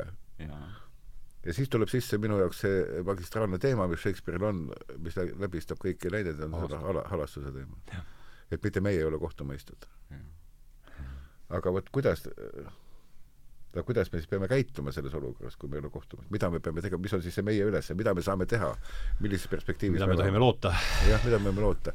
ja siin on tegelikult needsamad küsimused on tänases päevas ju ka üleval, eks ole, et selles mm -hmm. mõttes, et tänase päeva mõtlemine muidugi eh, renessansis me teame, eks ole, et see Buda muutus nagu eh, väga jõhkralt öeldes, et ja mitte kõik, aga kuidagi inimese kesksus tuli, eks ole, et mhm. inimest hakati avastama jälle, et inimene muutus tähtsaks ja võib-olla eh, nihkus ta, mõned arvavad, et, et jumalat nagu tähelepanu jäi väiksemaks, et inimene tuli nagu liiga esiplaanile või kuidas see balanss on mm. -hmm vot see, see, selle vahekorra tundlik otsimine ilmselt ka nendes maailma teater ja maailma nul, elu unenägu, nende vahel see kuskil see kõik, kõik nagu toimub, et kus me siis tegelikult oleme, et kus on see, kus on see tõepunkt, et kuhu me saame, kuhu, kellele või millele me saame, millele või kellele me saame toetuda et see, seda me vajame, nii nagu äh, meie ihu vajab hingamist, eks ole, et ja toitu, see on nagu see, see vaim, vaimse toidu või selle jõu otsimine, et, et mis, mis on see, mis meid üles ehitab jälle. maailm on lagunenud Shakespeare'il, aga mis on see jõud, kes üle, üles ehitab, kas on selline jõud olemas ja kus, ja kui ta on ja kus, ja, ja kus teda leida. ja täpselt samamoodi me võtame praeguse olukorra mm, -hmm kus on see jõud, mis ehitab selle puruks pommitatud Ukraina. Või, või need mitte ainult äh, välised need majad, eks ole, mis ehitab üles need inimesed ja, ja kogu selle äh, košmaari, mis on toimunud inimeste hingedes ja teadvustes. mitte ainult Ukrainas, vaid ka selle ka nende poolt, kes seda on teinud. see on kohutav, eks ole, kus sa mõtled, kas see jõud eksisteerib ja me oleme selles mõttes oleme et tekib ikkagi see, et, et inimesest on kahju kõige selle sees et mis jõudude käes me oleme. ja Shakespeare'il on kogu aeg see jõududega mäng ka, tal on, et ma ei mäleta nüüd, millist näidet see on, et me oleme nagu, nagu kärbsetulekate poiste käes, kes rebivad meil tiibu jalgu, eks ju, teevad meiega, mis tahavad. ja siis on see, ongi need teemad, et et need, et milliste jõudude meelevallas me oleme. Shakespeare, ja Shakespeare käsitleb neid jõude ja kui teatrilaval isegi nagu mängida, sa tajud neid atmosfääriliselt ma pean ütlema, et mul oli mõnda stseeni, mõnda kohta oli päris jube mängida mm. -hmm. aga siis, kui leiad lahenduse, kui sa, jaa, kui sa hakkad kedagi needma või tähendab see, mhm. et need jõud endas esile kutsuda, et see, aga siis sa saad aru, et ta muutub, ta muutub mitte suureks, kui ta hakkab needma, liir konkreetselt, või, või hakkab maagiks, vaid ta muutub väikeseks mhm. ja ta muutub mõnes mõttes naljakaks. inimene, kes kujutab ette kõikvõimalist nagu jumal, et ta suudab midagi korda saata.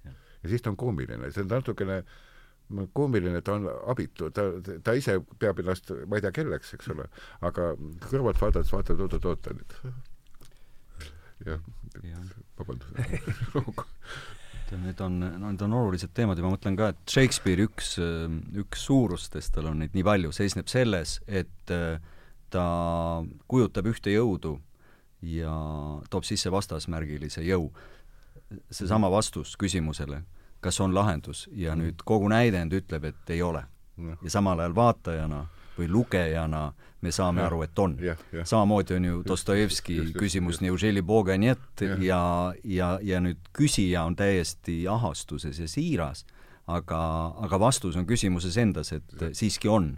ja nüüd samamoodi selle nii-öelda puudumise rõhutamine mm. kummalisel kombel toob äh, halastuse või mm, -hmm. või mingi vastu, vastamata jäänud vastuse kujul selle mm, -hmm. selle jõu äh, tagasi ja siin on nüüd äh, ilmselt Shakespeare'i kui kirjaniku geenius just nimelt sellise kognitiivse momendiga mm -hmm. mängides, midagi ei ole, järelikult kusagil ta peab ju olema, me peame hoolikamalt otsima mm. -hmm ja, ja see nüüd, millest oli ennem juttu, kuidas ta kasutab äh, teatrit teatris, samamoodi on ju Kuningas Learis, kus Edgar mängib mm -hmm. oma isaga, ta mängib siis hullumeelset yeah. Tommi yeah. ja vaatajad teavad, et see on Edgar. aga nüüd mingil põhjusel äh, isal pole vaja seda teada ja see mäng viib nii kaugele yeah. ju, et ta viib oma isa äh, jääraku, järsakule ja, ja lausa lavastab tema langemise. ja, ja selliseid, äh, selliseid äh, peidetud, peidetud teatristseene on seal, on seal veel, et ta lihtsalt haarab vaataja tähelepanu. et see on täiesti pöörane, mis ta, mis ta teeb, kuidas ühel hetkel lihtsalt äh, kogu publik on lummatud ja jälgib ja kuningas Liiri etenduse ajal võis seda samamoodi tajuda, sellist äh, sajaprotsendilist äh, keskendumist, eriti ähm, Nõmme, Nõmme stseenil mm. et see oli, seal oli tõesti mingi jõud liikvel. mulle meeldib, kas see Odeni initsiaalid on WH või? kas WH Odeni mõte, mida James Hillman, kes on siin palju mõjutanud, on äh, ohtralt tsiteerinud We lived by powers, we pretend to understand, et äh, et see kuidagi ja see tuleb justkui viib minu need selles, mis me siin panime alguses, Tiit tõi need mängud, saatus ja paganlus, et need äh, nende jõudude pluralism justkui oleks justkui rohkem niisugune vana, Vana-Kreeka teema või polüteistlik teema, et kui me räägime nendest jõududest, mille, mis meie mis meie niite tõmbavad, et millest me siis õigupoolest räägime, ma sain nagu aru niimoodi, et seal eh, laval ja tegevuses, mina lugesin seda niimoodi ja minuni jõudis see niimoodi kohe, et seal tekib nende jõududega mingi no mingi parem arusaamine nendest, kas ma, kas ma sain oleme, kas me oleme ühel leheküljel? oleme küll. oleme, jah? oleme küll, jah. aga see, ma ei, ei söanda öelda, et on nagu parem arusaamine, tähendab, et eks me oleme nende jõudude käes nagu kogu aeg, et kuidas need tekivad ja et kuidas nende jõudu siis mis ära kaduda, et mul on öeldud ka, et näitlemine on tegelikult riski elukutse, eks ole, et ega mm -hmm. see on nii, et ähm, no see on omaette teema, võib-olla ei puuduta, puuduta praegust, aga et mängida selliseid, selliseid, sellist energiat ja sellist jõudu sisendava, sisaldavaid tegelaskujusid, nagu Shakespeare'il on, eks ole, et see siis peab olema kuidagi hästi pind ette valmistatud, sa tead, millega sa tegeled, et kuidagi mm ütleme, sissemineku võimalus, ta kisub kaasa mängimiseks, aga et väljatuleku võimalus peab ka olema, see peab olema see pinnas, kuhu sa välja tuled, et mitte et rolli siseneda, vaid tule, rollist tullakse ka välja. et ma ei saa liirina koju minna, eks ole ehkki ma, ta, ta on minuga kaasas, eks ole. või kas see on sama, kui ma lähen, mängin kuningast liiri, aga lähen iseendana peale nagu, et noh, et see, no vot, et, et kuidas, kuidas leida see, noh, näitleja psühholoogia iseärasus, nagu öeldakse, nagu kaksainus, et ta, ta on see inimene, kes ta on, pluss veel keegi, eks ole, pluss see teine, pluss see tegelaskuju, nad mõlemad on koos seal tegutsevad, et nagu näitleja psühholoogia iseärasus, mida, mida on võib-olla raske mõelda, et ta ei ole mitte kahestunud olend, vaid et on kaks äh, nagu ühes moodustavad ühe terviku sellise, noh, see on näite, näiteameti asi elukutse juures käib, aga aga jah et äh, nii Shakespeare kui Molière, kellest oli ka enne juttu, mõle-, mõlemad äh, tegelevad ju tegelikult ka sellise asjaga nagu vooruste pahede teemadega, eks ole. et see hea ja kurja teema, mitte hea ja, mis on hea ja halb, vaid hea ja kuri, et see, see on, see on nagu teravalt olemas. ja vooruste pahede teema, et, et mulle tundub üha rohkem, et äh, et, et neid mõista ma arvan, et, et nii Shakespeare kui Molière mingi eluperioodi vähemalt ikkagi olid teadlikud sellest, mida nad elus tähendavad, praktiseerides ühte või teist voorust, mida meil nimetatakse näiteks seitsmeks surmapatuks, mis on tegelikult seitse pahet, ega nad ei ole patud, patt on midagi muud nagu pahe mm. -hmm. et mm, seitse pahet, millele vastandus seitse vastandvoorust, ma toon lihtsalt näiteks, katalogiseerimine on noh, tinglik alati, eks ole, kuidas seda katalogiseeritakse, aga et need kujutavad ka endast teatud asju, mida me võime endas, endas arendada, näiteks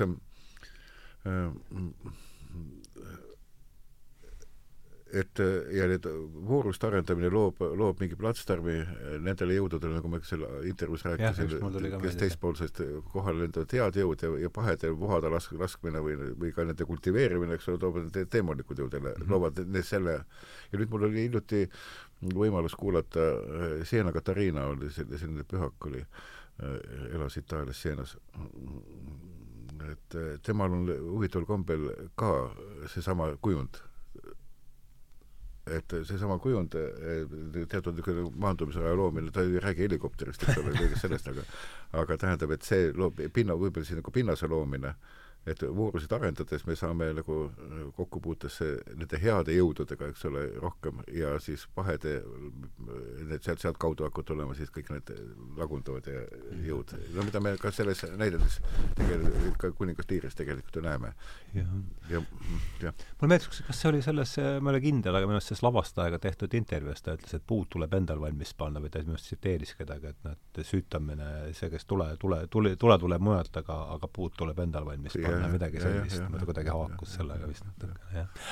et see on huvitav, jah tahtsid, ega ma sulle vahele ei seganud? ei seganud, ei seganud. no Molière tegelikult ka tegeleb sellega, et ta vähemalt kui noh, eessõnades ja see, mida ta kommenteerib, ütleb see, et ma minu ülesandeks on nagu pahe, pahesid välja naerda. ta ei naera välja inimest, ta naerab välja pahesid mm, -hmm. aga vot nüüd see on väga subtiilne peen asi, kuidas ma naeran välja pahed ja seda inimest, kes on selle pahega seotud, ei naera näiteks. ja väga paljud, kes on mingi pahega seotud, tunnevad ennast isiklikult puudutatuna, kuna see on tema elu tugev osa. ja kui nüüd Molière oli pidevates konfliktides ka seetõttu, eks ole, et ma püüda, püüan portreteerida pahet, seda pahet välja naerda, mitte inimest, näiteks Tartüfis ei ole mitte ainult Tartüfi tegelane ei ole silmakirjandus, sa võid kõik tegelased oma, omamoodi silmakirjandused mängida, igalühel on oma, oma väike silmakirjalikkus seal. ja tähendab, kui ta nüüd naerab välja kui pahet, et kuidas see lihtsalt, Tartüf kui tegelane saab tekkida pinnasele, kus, mis on ette valmistatud. Tartufo seen, eks ole, sa saad kasutada selle, sa oled selle pinnasel. see tähendab, et vot, vot kuskil niimoodi, et ja Shakespeare'il on mingi sama asi, kui ma mõõdu vastu praegu töötan, Isabella ütleb, mõista hukka süü, kuid mitte süüdlane -hmm. no kuidas ma seda süüd hukka mõistan, ma mõistan hukka siis nagu vargus, aga varast hukka ei mõista, et kuidas siis on, eks ole. et kuidas see lähenemine on. aga et noh, kuskil see, et, et et me mõista, võime hukka mõista pahe, aga mitte, mitte inimese või noh, et seda on raske mõista aga no nagu Shakespeare'il või Molière'il mõlemil see leitmotiiv tuleb välja, nii palju kui ma olen töötanud nendega, eks ole, või nende, nende näidendeid püüdnud avada ja kogu aeg olen selle mõistatuse ees, et mitte, et oskaks alati lahendada, aga lihtsalt mõtlen selle üle, et kuidas see siis on mm. -hmm. et see vooruste pahede teema on ääretult tähtis. Teil on mõlemad raamatud kaasas, et kas on mingeid selliseid lasta ka Shakespeare'il ka vahepeal kõneleda, et kas on mingeid selliseid kohti, mis on, mis on mis, mis tahes põhjusel jäänud niimoodi stseene või midagi, mis, äh, mis on endast, endal olnud oluliselt puudutanud. Äh, kui ei, siis äh, lähme edasi, aga ma tean, et, et üks sonett on vist kaasas jah, ma just mõtlesin, et mis, mis teeb nagu selle meie eelnenud vestluse peale, et mis teeb tõesti Shakespeare'i eri, eriliseks, et kui nüüd hea või keskpärane näitekirjanik loob tegelaskuju, ta on väga rahul sellega, see tegelaskuju tuli hästi välja ja see vaata et veel paremini. nüüd Shakespeare kasutab puuduvaid tegelaskujusid, ta kasutab jõude, mida ta isegi ei, ei markeeri mm -hmm. ja ometi nende kohalolu on võimalik tunda, et selles nüüd avaldub tõesti tema kui autori geniaalsus mm. -hmm ja mida nüüd isegi Georg Meri välja toob siin oma mm, kuuenda Shakespeare'i kogutud köidete eessõnas metafoorne rikkus, et et see tohutu metafooride tulv, millel on nüüd väga tehniline mm, eesmärk, et see valmistab äh, vaatajat ette sõnumiks mm, -hmm. oluliseks. sageli see metafooride tulv võtab lausa sellise noh, hullumeelse või jampsliku sõnavoo kuju ja, ja see on hämmastav nüüd, kuidas, kuidas Shakespeare töötab kogu aeg äh, vaatajaga kuulajaga, kui täpsem olla. ja, ja ta, ta nüüd loob sedasama ühte pausi kohta, kus peab tulema ära tundmine, mis on sageli noh, tegelaskujuna või jõuna või siis sealt lae alt laskuva jumalana teda ei ole olemas, et see ongi lihtsalt paus, vaikus. Mm. millest me rääkisime päris alguses, eks ole. ja, ja see, ja see huumorimeel, kuidas ta kasutab huumorit, seesama Nõmme või õigemini juba lõpustseen, kui, kui Liir on suremas ja siis ta ütleb järsku, tooge arst, mul haavatud on aju. jah. et ka see seda ma ei mäletanud. jah, on, on. ja tähendab, et tegelikult on Tšehhov, mul tekkis paralleel, et Tšehhov on selles mõttes ka Shakespeare'ilt võib-olla õppinud, ta on palju õppinud Shakespeare'ilt, aga et need nähtamatud tegelaskujud, kui me võtame Kirsi aias see uppunud, Ranevski uppunud poeg, mängib kogu aeg kaasa. ta on kogu aeg kohal kes on noh, kaevu uppunutel ja, ja see mõjutab kõiki sündmusi, see on pea, või Kolmes ões ema, kes on maetud Novodevitši kalmistule, kelle juurde Moskvasse, Moskvasse tegelikult tähendab tagasi lapse, ma olen niimoodi mõelnud, tagasi lapsepõlve siis, kui ema veel elas ja kui, kui oli kõik, et see Moskva linn iseendast noh, oma majade hoonetega pole sedavõrd tähtis, kuid mis seal Moskva taga on, see Novodevitš, kuhu on ema maetud, sellest räägitakse, isa kasvatas meid üles ja ühesõnaga, et niisugune nähtamatu tegelase sissepanek, kes mõjutab kogu tegevust, on, on ääretult, ääretult oluline.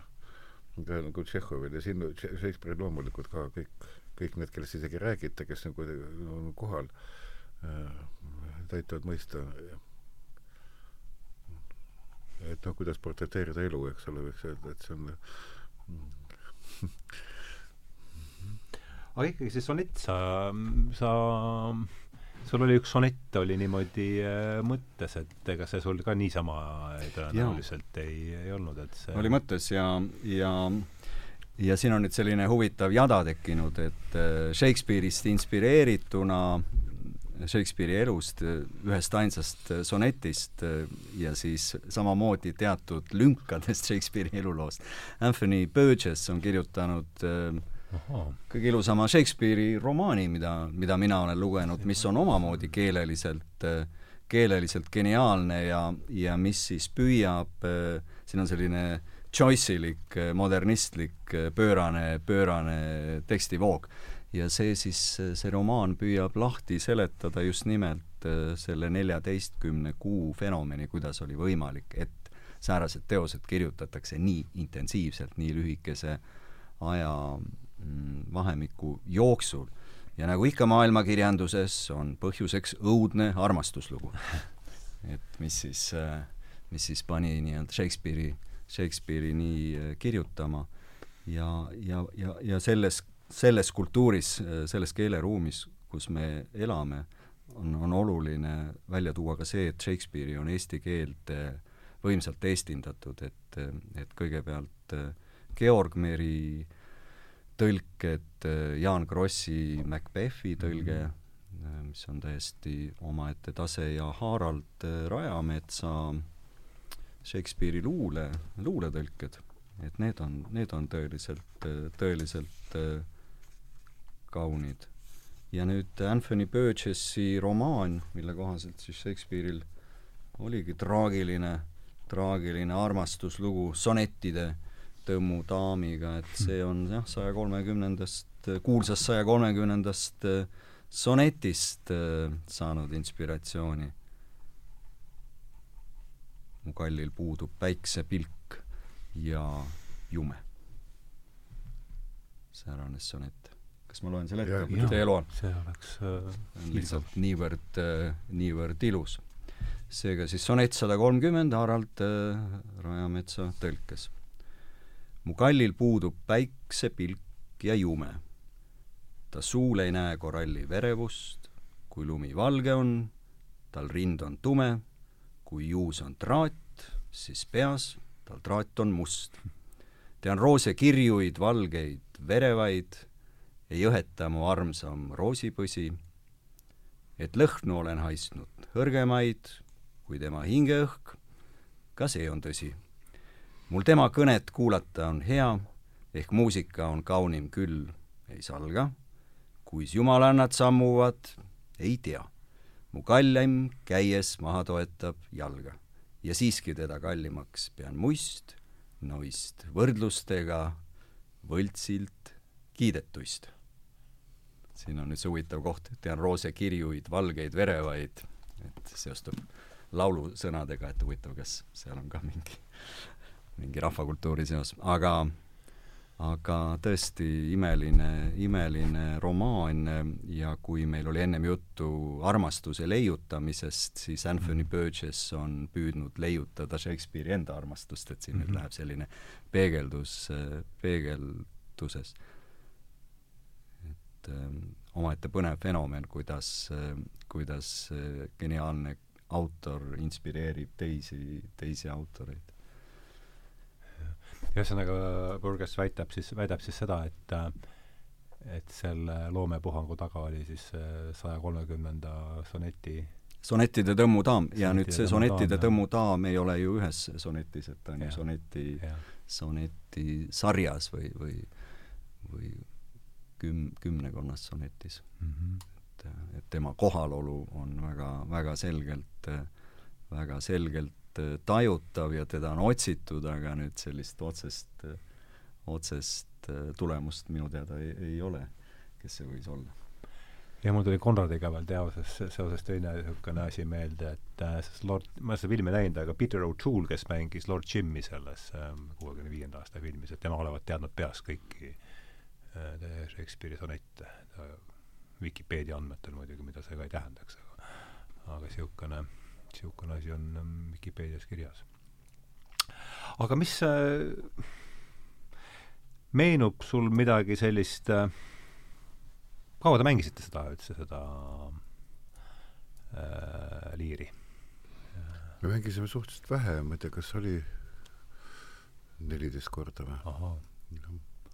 see oli suur etendus, seal oli palju külalisi ja kõike seda kokku saada ja puht praktiliselt majanduslikus mõttes oli hästi keeruline, et seda, seda teha.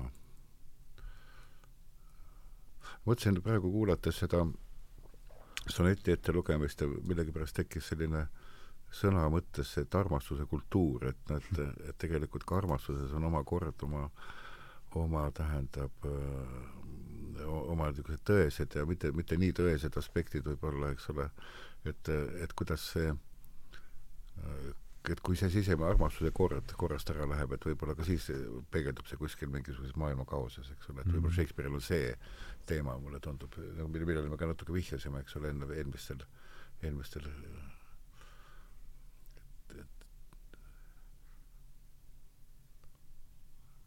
ta tunneb kõhedust äh, armastuse ees ja, ja võib-olla äh, naiste ees üldse. Ja siin on nüüd huvitav selline paradoks, et naised on tal äh, ülitugevad enamasti tegelastena ja Regan ütleb ju samamoodi, et äh, et pean üle võtma töö, mu mehele las jääda vokk nagu Georg Meri on tõlkinud seda, et tugevad naised võtavad mängu üle, samamoodi siis Lady Macbeth ja ja, ja tõesti toetavad oma meest, noh, kuningas Macbeth ei ole nõrk mees, aga nüüd äh, kuningas Learis on küll neid äh, nõrgemapoolseid äh, mehi. et ähm, et tänapäeva sellises soovõrdses maailmas Shakespeare'il on oma kindel koht, et tema ei tee vahet. et õrnemat sugu säärasena ta ei tunne ja kui me võtame kas või kuningas Lear, siis Leari, siis Cordelia, no ei ole seal kuidagi õrn nõrk, et ta on ikkagi väga tugev isiksusena. Tugev oma õrnuses, eks ole, aga see on nagu see, et mis selle jõu moodustab, et kuidas see jah, kas nüüd sellest, mis nendest etenduste seast või proovidest või kas oli ka selliseid enda jaoks mingeid ilmutuslikke momente selle lavastusega seoses, kus mingid asjad järsku kokku jooksid või? No kogu aeg, et selles mõttes, et kui sa selliste tekstidega tegeled, et nii või teisiti noh, paralleelid oma enda elu ja ühiskonna ja ja nii vaimse kui kõige, kõige, kõigega seotud maailmadega on ju pidevalt nagu siis vaatluse all ikkagi sa, sa võrdled, eks ole, sa püüad ta, taibata, mismoodi see, see näidend praegusel hetkel praegustele vaatajatele oluline on, millised aspektid just, eks ole et aga ma niimoodi alati, kui küsitakse, et mis, mida huvitavat juhtus, eks ole, kuskil, siis mul, ma kindlasti juhtus, aga vot sel hetkel, kui küsitakse, mul ei tule üks, ükski hetk meelde, tähendab, mis oli niisugune põnev või ilmutuslik või avastuslik. et oli, võiks öelda, et kogu protsess, Kogu protsess, oli mõnes, kogu protsess jah, et aga mm, seal olid ka teatud niisugused käärid, mis meil tekkisid, mis alati ei olnud nagu kooskõlas või arusaadavad. meil lavastajaks oli Vladimir Baitšer, oli Moskva, Moskva lavastaja, Moskvast Kitises töötanud ja siis ta kunstnikuga Vladimir Anšon. Nende temperament oli võib-olla te, teistsugune, kui me oleme harjunud Eesti näitlejatega teinekord tegema tööd ja nagu lähtepunkt on teinekord teine, et siis sealt võib-olla tekkisid selliseid natukene mitte, mitte alati selgeid momente, ütleme niimoodi. ja, ja, ja kus ja, ja kuidagi see kooskõla otsimine, et, et millele üks või teine kunstnik rõhu paneb, et kui ma küsin, et noh, näiteks ma nendest tetraeedritest, mis laual on, et kas vaataja ikka saab aru, tähendab, plaatonlikult, mida ta sinna ehitas. ega ma ka ei teadnud, kuidas need, nendest peaks aru saama, ta ütles, et vaataja ei peagi aru saama, see peab mõjuma alateadvusele, siis mul tekib nagu kõhe tunne natuke, et, et kuidas noh, et ma tahaks ikka kõigest aru saada või noh, et vähemalt, et oleks hoomatav.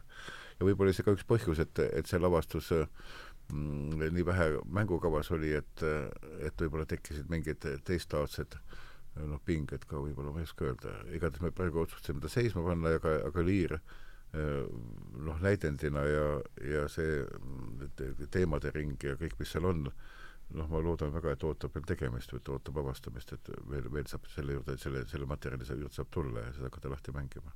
see oli väga palju põnevat ja huvitavat sellest kõigest selles tegemises, väga palju väärtuslikku, tunnetuslikult ja, ja ka mänguliselt. aga võib-olla jäi kuskile mingid, mingid asjad jäid natuke veel realiseerimata, mis, mida oleks tahtnud Liiri puhul veel selgemalt välja tuua, teatud, tänu teatud kärbetele ja ja noh, võib-olla noh, ikka loominguprotsessis juhtub igast asju, et see on selge. aga mina võin vaatajana öelda, et, ähm, et sellise, sellise truualamliku teatrikülastajana mul ei olnud salvestusseadmeid kaasas või, või ma ei mõelnudki sellele siis, kui ma nägin selles samas, ähm, selles samas äh, lavastuses mingeid stseene, siis ma sain aru, et ma pean kuidagi nad salvestama teistsuguste mäluseadmetega, Walter Benjaminlike mälupiltidena või mis mind just huvitas, et kui suur on minu salvestusvõimekus, sest et seal olid ikkagi ülivõimsad kohad ja kummalisel kombel me rääkisime ennem siin puuduvatest jõududest, sellesama sellesama lavastuse see võimustseen, mis tõesti jahmatas oma pompöössuses või, või sellise võimu laskumisena maa peale, see stseen hakkas tööle tõeliselt äh, alles, äh, alles loo lõpus mm., nendes Nõmme stseenides. et, et see oli, see oli tõesti meisterlik. ja, ja, ja nüüd äh, ka mina ei suutnud tetraeedritest aru saada, praegu ma sain aru, aga tõesti alateadlikult see, see kõik, kõik mõjus et mul oli kahju, et, et ta oli ainult neliteist mängukorda, aga, aga ehk ta, ehk ta naaseb mõnel teistsugusel kujul. on see üldse võimalik, et ta tule-, te tuleksite teda ka veel äh, no ütleme, mis puudutab Moskva liini, siis on ikka hästi keeruline praegu meil, et meil kontakt on lavastajaga, aga noh, mitte enam no, praktiliselt nii, nii loominguline, kui ei saa olla, et, et aga noh, midagi ei ole teha, ajad on sellised, nagu nad on, et, et ta võib-olla juba siis ennustas midagi natuke ette midagi tulemist, aga mulle tundub ka. kaks tuhat kaksteist oli see, eks ole, jah. ja võimalik, et see praeguses, praegusel Venemaal oleks üldsegi keelatud mitte ainult lavastustega keelatud teoste nimekirjas. et autokraadi langus, et, et see ei lähe, sõbrad. aga kui nüüd noh, te olete kindlasti näinud palju erinevaid Liiri lavastusi, filme, et mis äh, mis on endale jätnud sellise sügavama minul on kõige sügavam liiri ette, ma olen näinud mõnda jah, et äh, aga kõige sügavam oli seitsmekümne seitsmendal aastal nähtud äh, Milano Piccola teatris äh, George Strehleri Kuningasliir. ja see oli, mul oli kuidagi kogemata sattusin gruppi, mis sõitis Itaaliasse tookord seal vabanes üks koht ja siis tehti see pakkumine, võtsin selle vastu ja siis oli see mm, Strehleri liir, mis toimus ka tühjal laval, inimesed olid äh, nahksetes riietes, mul on hästi meeles, see tühi lava oli kaetud nagu väikeste söekildudega ja see tühja lava jõud ja seal polnudki suurt mitte midagi peale horisondi tühja lava, aga see, kuidas nad mängisid ja mis mulle eriti meelde jäi, Edmundi monoloog, kui ta tuli eest lavale peaaegu ja kui ta hakkas publikule rääkima seda, mida ta nüüd tegema kavatseb hakata ja kuidas publik kuulab rahulikult ja läheb kaasa, siis tead, ma teen selle asja ära, eks ole, ja siis läheb. tähendab, et ja kusjuures ma olen kaasatud sellesse niimoodi, et ma ei saa ei ega jaa öelda, vaid ma olen, ma olen juba võetud ja võet-, ma olen võetud vaatajana, kuidas meisterlikult ta teeb ja ma olen võetud sellena, et ma kuidagi tunnen juba nagu kaasosaline, ma teen ka niisugust asja juba, ma, ma ei ütle midagi vahele, ma ei sekku, eks ole, kuidagi sellesse, sellesse protsessi. no ma ei saagi sekkuda, ma saan aru, see teater, aga et kas ma elus sekkuksin noh, et ta ärgitab niimoodi vot umbes, umbes selles laadis ja ja siis on mul sellest alusest hästi meeles veel ka see kuristiku hüppamine, kui, kui poeg isa talutab äh, hüppama ja nüüd on, oleme kohal ja ta hakkab hüppama, nüüd on üks kuristiku hüpe ja siis oli ka, äh, see vanem näitleja, noh, kes mängis Klooster, tegi suu lahti ja ta, see oli karje, milles ei kostnud mitte ühtegi heli ja see kestis pool minutit umbes. ja see oli, ma pole tugevamat karjet laval kuulnud enne. ja siis ja, ta vaikusega mängimine. ja, ja vaikusega mängimine ja see oli fantastiline ja siis ta hüppas nii-öelda, ta hüppas ja see hüpe oli niisugune, nagu oleks voodist maha kukkunud vana mees, eks ole mm., kõige selle peale mm ja no see oli noh, hämmastav, kuidas ta, lihtsalt mõned näited, et kuidas ta mängis nagu tegelikult äh, tegevustega, atmosfääridega, sündmustega, äh, noh, nende jõududega, see oli, äh, ja noh, see pilt, et terviku, terviku tunnetus on nagu väga selgelt, selgelt meeles. ja see ka, et Shakespeare'i vaja tegelikult väga palju atribuutikat laval, et mm piisab, piisab noh, see, mis toimub inimeste vahel, see suhte toime, mis hakkab tekkima selle ja, ja see muidugi loomulikult eh, tekst, eh, mõtted, metafoorid, et kui need õnnestub nii selgelt esile tuua, kui ma nii, neid pilte nii selgelt näen, et vaataja hakkab ka nägema, tuleb sellesse nägemuste maailma sisse, siis mul pole vaja väga palju tsirkust teha.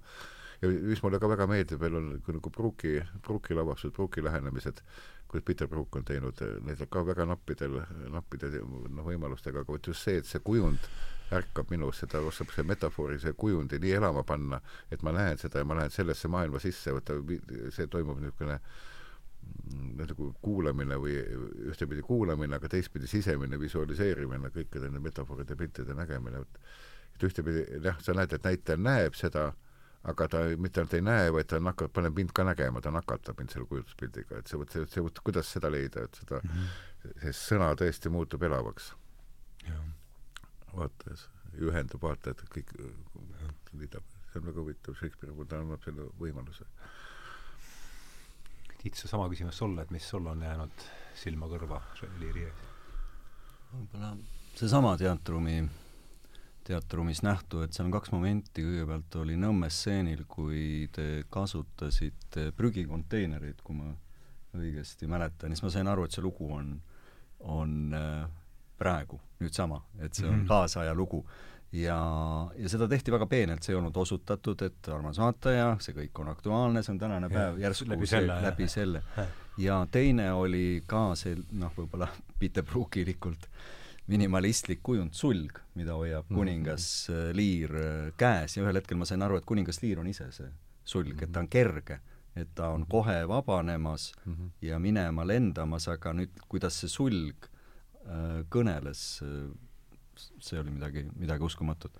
et, äh, et jah, see mälusalvestusseade, need kaks momenti salvestas, salvestas ära, et kogu kuningas Liiri olemus järsku oli selles mm, -hmm. selles sules ja ta lendab ära ja nüüd huvitav on ju see, et ta sureb kas just rõõmust, aga meeleliigutusest mm. -hmm et ta ei sure kurvastusest või see mm -hmm. ei mhm. ole šokk, et see, ta pigem sureb rõõmust, et ta on Cordeliaga kokku saanud mm. -hmm. ta arvab oma meeltesegaduses, et Cordelia on elus mm. -hmm.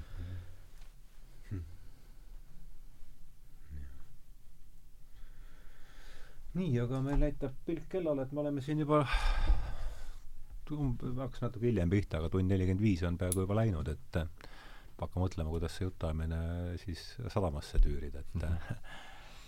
et kasutaks natukene omakasupüüdlikult seda teie, teie ole, olemasolu ka siin stuudios, et äh, mõtleme praegu kahekümne üheksanda numbri peale, et kakskümmend kaheksa oli totalitarism, või vabandust, oli purit-, puritaanlus, enne seda siis meie, masin ja meie ja ja kakskümmend üheksa on totalitarism on selle asja siis lehe juhtteema, et äh, küsiks teie mõtte, mis tekib äh, täna, täna, täna, täna räägida taustal, eks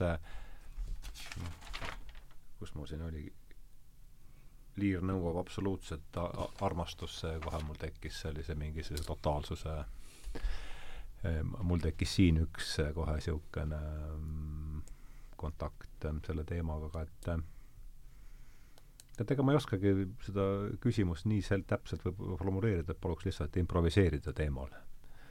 totalitarism, et mis see, mis see teie arvates on ja miks ta, on ta oluline, on ta mit-, on jah, nii.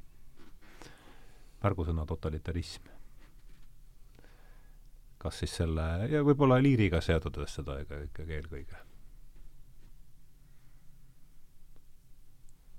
Kuskilt pihta hakata, kes tahab. ja kui ei tule, siis selles mõttes ei teki midagi, siis leiame mingi teise lahenduse, aga ma mõtlesin, ma pakun selle välja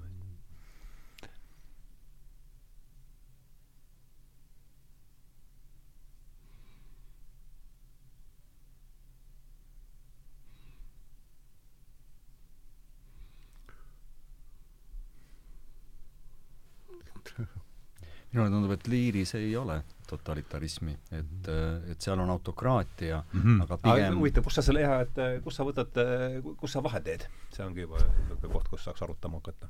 ta oma olemuselt ei ole totalitaarse režiimi äh, esindaja mm. -hmm. et äh, seal võib-olla on saatus oma totaalsel kujul või seesama genooma, selline halastamatu ja. keskkond, aga nüüd äh, poliitilises plaanis ma ei näe seal genooma on totalitaarses esindaja. jah, või, või, või, või teatud kõ-, kõledus, et, et kuningas Liir, noh, Lembit Peterson tõi selle väga selgelt välja, et ta, teema eesmärgiks ei olnud ju hoida võimu või, või kuidagi sellist võimu konserveerida, et ta pigem tahtis võimu, võimu üle anda ja valitsejana omamoodi ta on, ta ei ole ehk kõige parem valitseja, aga kindlasti ta ei ole kalk või, või julm, julm valitseja, et ta on, ta on, ta on inimlik.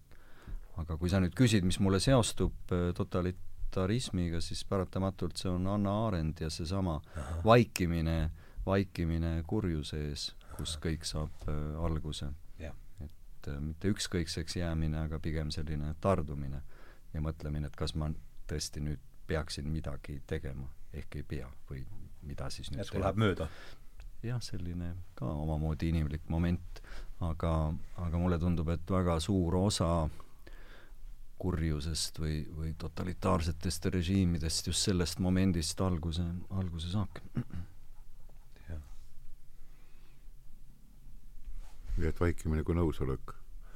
et võib-olla ma hakkasin mõtlema selle peale, et kas, et kuidas see totali-, totalitarism üldse saab tekkida, võib-olla selle noh, Tartüfi näite pealt, eks ole, et, et et kas see mingisugune õrn, noh, vajadus on inimestel olemas selle totalitarismi järgi, mis annab sellele võimaluse üldse areneda.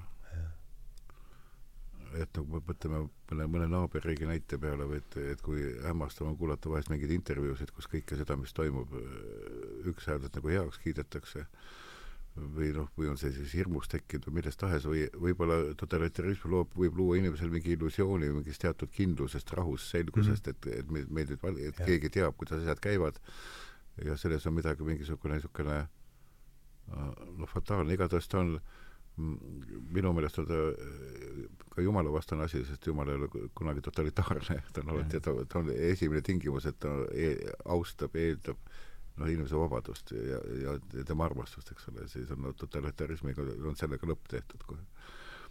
aga et totalitarism on midagi just nagu anti, antikristlikku. et keegi, kes püüab haarata noh, tulla looja asemel, olla tema asemel, olla nagu tema. aga üks kummaline paralleel, mis tekkis, ma viimastel päevadel mõelnud, see on natukene huumoriga võib-olla võetav, eks ole, kindlasti me mäletame seda paradiisi aja kujundit Aadama Eva seda lugu, eks ole, piiblilugu. et ma viimasel päeval, kui ta hakkas mõtlema kummalise asja peale, et mul on süda valutab kogu aeg dialoogi pärast, et mis on dialoog, et kuidas dialoog saaks toimuda, et dialoog ei ole kindlasti see, et teine võtab omaks kõik minu mõtted ja siis, kui ta selle omaks võtnud, siis meil dialoog on õnnestunud. et, et see dialoogi käigus alati midagi juhtub, midagi sünnib, midagi uut, midagi, mida me ei, ei oodanud. aga seal on väga kummaline asi, et ma mõtlesin, huvitav, et kui Eeva on seal aias ja tema juurde tuleb üks mingi tegelane, kes pakub talle nii ja niisuguseid võimalusi, eks ole arenguks ja söömiseks ja kõigeks, eks ole, et miks ta ei võinud minna Aadama juurde ja küsida ta käest, et kuule Aadam, et siin on üks selline tegelane, et mis me, mis me talle ütleme? Miks ta võttis selle otsustuse no, no, no enda peale kohe? Ja siis juba läks valmis produktiga, et nüüd on niisugune lugu, et ma ja siis Adam võtab sellest loost juba se sellisele osa, kui nad ei ole dialoogi pidanud enne. ja siis tuleb looja, kes küsib, Adam, kus sa oled? Ma kuulsin su häält ja läksin rohuaeda, peitsin ennast ära, sest ma olen alasti. kes sulle on teada andnud, sa alasti oled või oled sa söönud sellest viljast? ja siis Adam ütleb kuldsed sõnad. naine, kelle sina mulle andsid, no andisin, no ma sõin, eks ole mm. -hmm. mis mul, mis mul üle jäi. kõik, kõik teised on süüdi, vot et kust, et kust hakkab see viga, kust see viga tuleb ja. sisse või noh, tähendab, et et kui, no ma olen lihtsalt mõelnud, mõttemänge ju, need on ju lubatud, eks ole, et et miks Eeva, et, et, et, et, et järelikult oli kuskil nagu pimestatud millestki või mi, mi, ära fascineeritud selle valguse ingli poolt, tähendab, kes talle pakkus. ega kiusatus ei ole kunagi niimoodi, et on hästi vastik ja kole ja arusaamatu, ta võib kuidagi hästi selgelt võib tulla ka teinekord, eks ole, ja mm. et ma mõtlesin totalitarismi puhul seda, et et kuidas nüüd ära tunda seda kurjust, mis tuleb, millele me peame vastu seisma see on küsimus, et, et kuidas see eristamisvõime meis on, et teinekord me võib-olla ka kahtleme sellepärast, me ei tea, kas see nüüd on õige või kuri, kas, kas valimist, me ei tea, mis on nüüd need õiged või, või valed jõud, me ei ole päris endas kindlad, meil on kahtlust. ja selle tõttu me jääme ka vaikima, eks ole, et mitte, mitte selle tõttu, et et kuidas, kuidas, et, et kus, kus need totalitarismi juured on, seda oleks huvitav mõelda ja, ja, ja, ja, ja uurida, et miks ta üldse võimalikuks saab miks saab äkki see totalitarism võimalikuks, et, et kas, kas on selle järele mingi vajadus, kel- ja kellel, eks ole, ja, ja, ja kes seda teeb ja milleks? Nojah, kogu see sa-, tegelikult see sari ongi see käimalükkav küsimus, ongi see, et kust see tuleb no.. et see esimene raamat, mida me käsitlesime, oli Võlumägi ja see suur ärrituvus, mis on vist tagant kolmas, et seda ma kaks tuhat kuusteist juba tajusin, et, et see on see enam-vähem see peatükk, kus me oleme. mäletate seda äh, suur, minu arust on suur ärritavus on eelviimane peatükk vist. kõuega, enne, üks enne kõuekärgatust mm. -hmm. et ja. kus on see, noh, kus, kust see tuleb? osa sellest vaikimisest on ka soov mitte kohut mõista ja, ja, ja see... võib-olla selline hetkeline kõhklus, et mis kohtumõistja mina nüüd olen. Ja, ja, ja siis iseenesest me rääkisime intervjuus sellest kohtumõistmise negatiivsest ja, poolest ju ka, eks ole. et iseenesest äh, vägagi eetiline moment, aga, aga, aga ootamatult hakkab tööle millegi, millegi halva, halva teenistuses. või selline hetkeline, hetkeline jahmatus. et ähm, jah ma kasutan juhust ja ütlen, et see eh, keppidega peksmise stseen, et see mõte ei olnud minult, see on Vladimir Solovjovilt, et no. et, et ma ennast võõra tulepaistel ei soojendaks liiga palju. see tollelt äh, filosoofilt, kellest meil oli saade ju. ja, Lotmani ja Mihhail Lotmani ja siis Mikkel Reichelkaut olid jah. Vene Platon, jah. mis? Vene Platon. Vene Platon, jah. jaa, see oli huvitav tule küll, jah. aga kui nüüd hakata mõtlema ka jah, siis juba selliste lõpu, lõpulausete peale, et jah, mõtlen. jah, tegelikult sealt see tuligi jah, et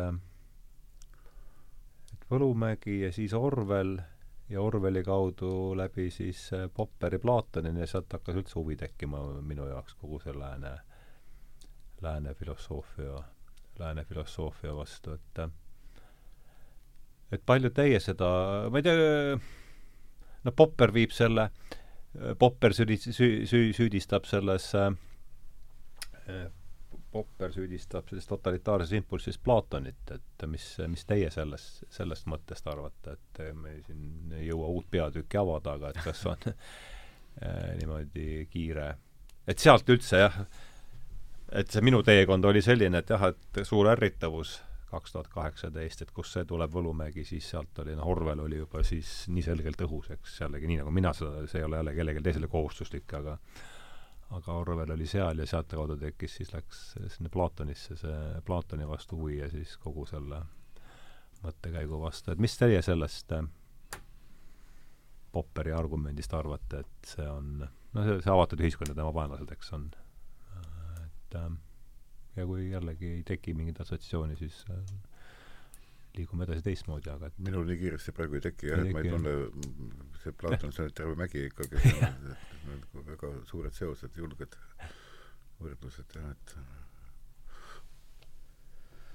jah, minu, minu teadmised jäävad siin ka piiratuks, et, et kasutaks juhust ja reageeriks sellise kuningas liiriliku pausiga jah, ega sa, ega ta ongi jah, niisugune kahe otsa või vähe, vähemalt kahe otsaga asi, aga mõtlesin, et aga noh, teema on jätkuvalt, teema on jätkuvalt huvitav või selles mõttes, et ega ta nüüd vähem, vähem aktuaalne, kui ta oli kaks tuhat kuusteist, nüüd ei ole kohe mitte, mitte ühel, ühel, ühelgi moel mulle, mulle tundub. aga jaa, kell hakkab saama pool, pool, pool seitse ja ja või kutsuks siis kuskil viie minuti jooksul selle asja sadamasse juhtida. mis endale jäi teile tänasest jutuajamisest meelde, mis võib-olla vaatan oma konspekti veel üle, et mis, mis teile endale vestlu-, noh, hea, hea vestlus oleks selline, kus midagi tuleb, tuleb, läheb mõte sinna, kus, mille, kuhu varem polnud läinud, et mis, mis teile jäi meelde? kuulust vaatan, mis mul siin on.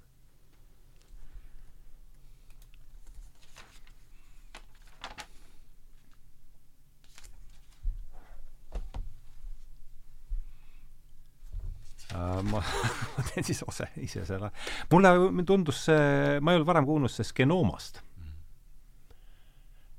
ma olen kirjutanud, Bloom, Bloom on rääkinud genoomast ka.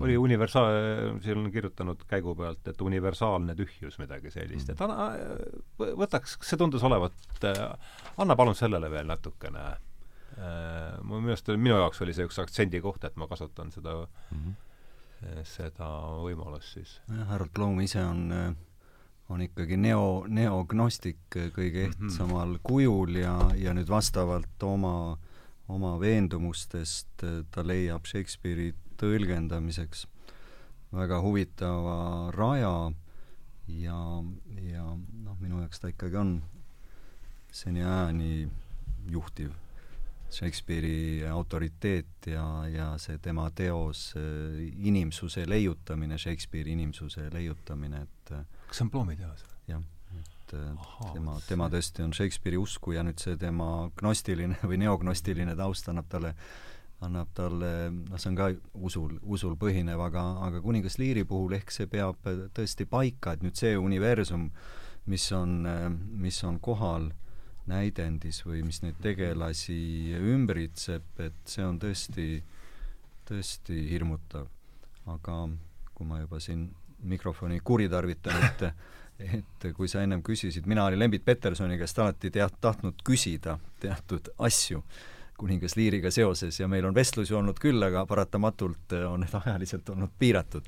et ma olen väga rahul, et ma sain need äh, vastused ja, ja, ja väga oluline on võib-olla seesama, seesama puuduva mm -hmm. kohalolu. jah, see mulle ka meeldib. Äh, eriti just ja see vaikuse moment. et, et see on väga oluline mm, -hmm. oluline äratundmine. midagi lisada? Väga huvitav on olnud kuulata ja siis hästi palju mõtteid, mõtteid tekib ja areneb siit, siit edasi.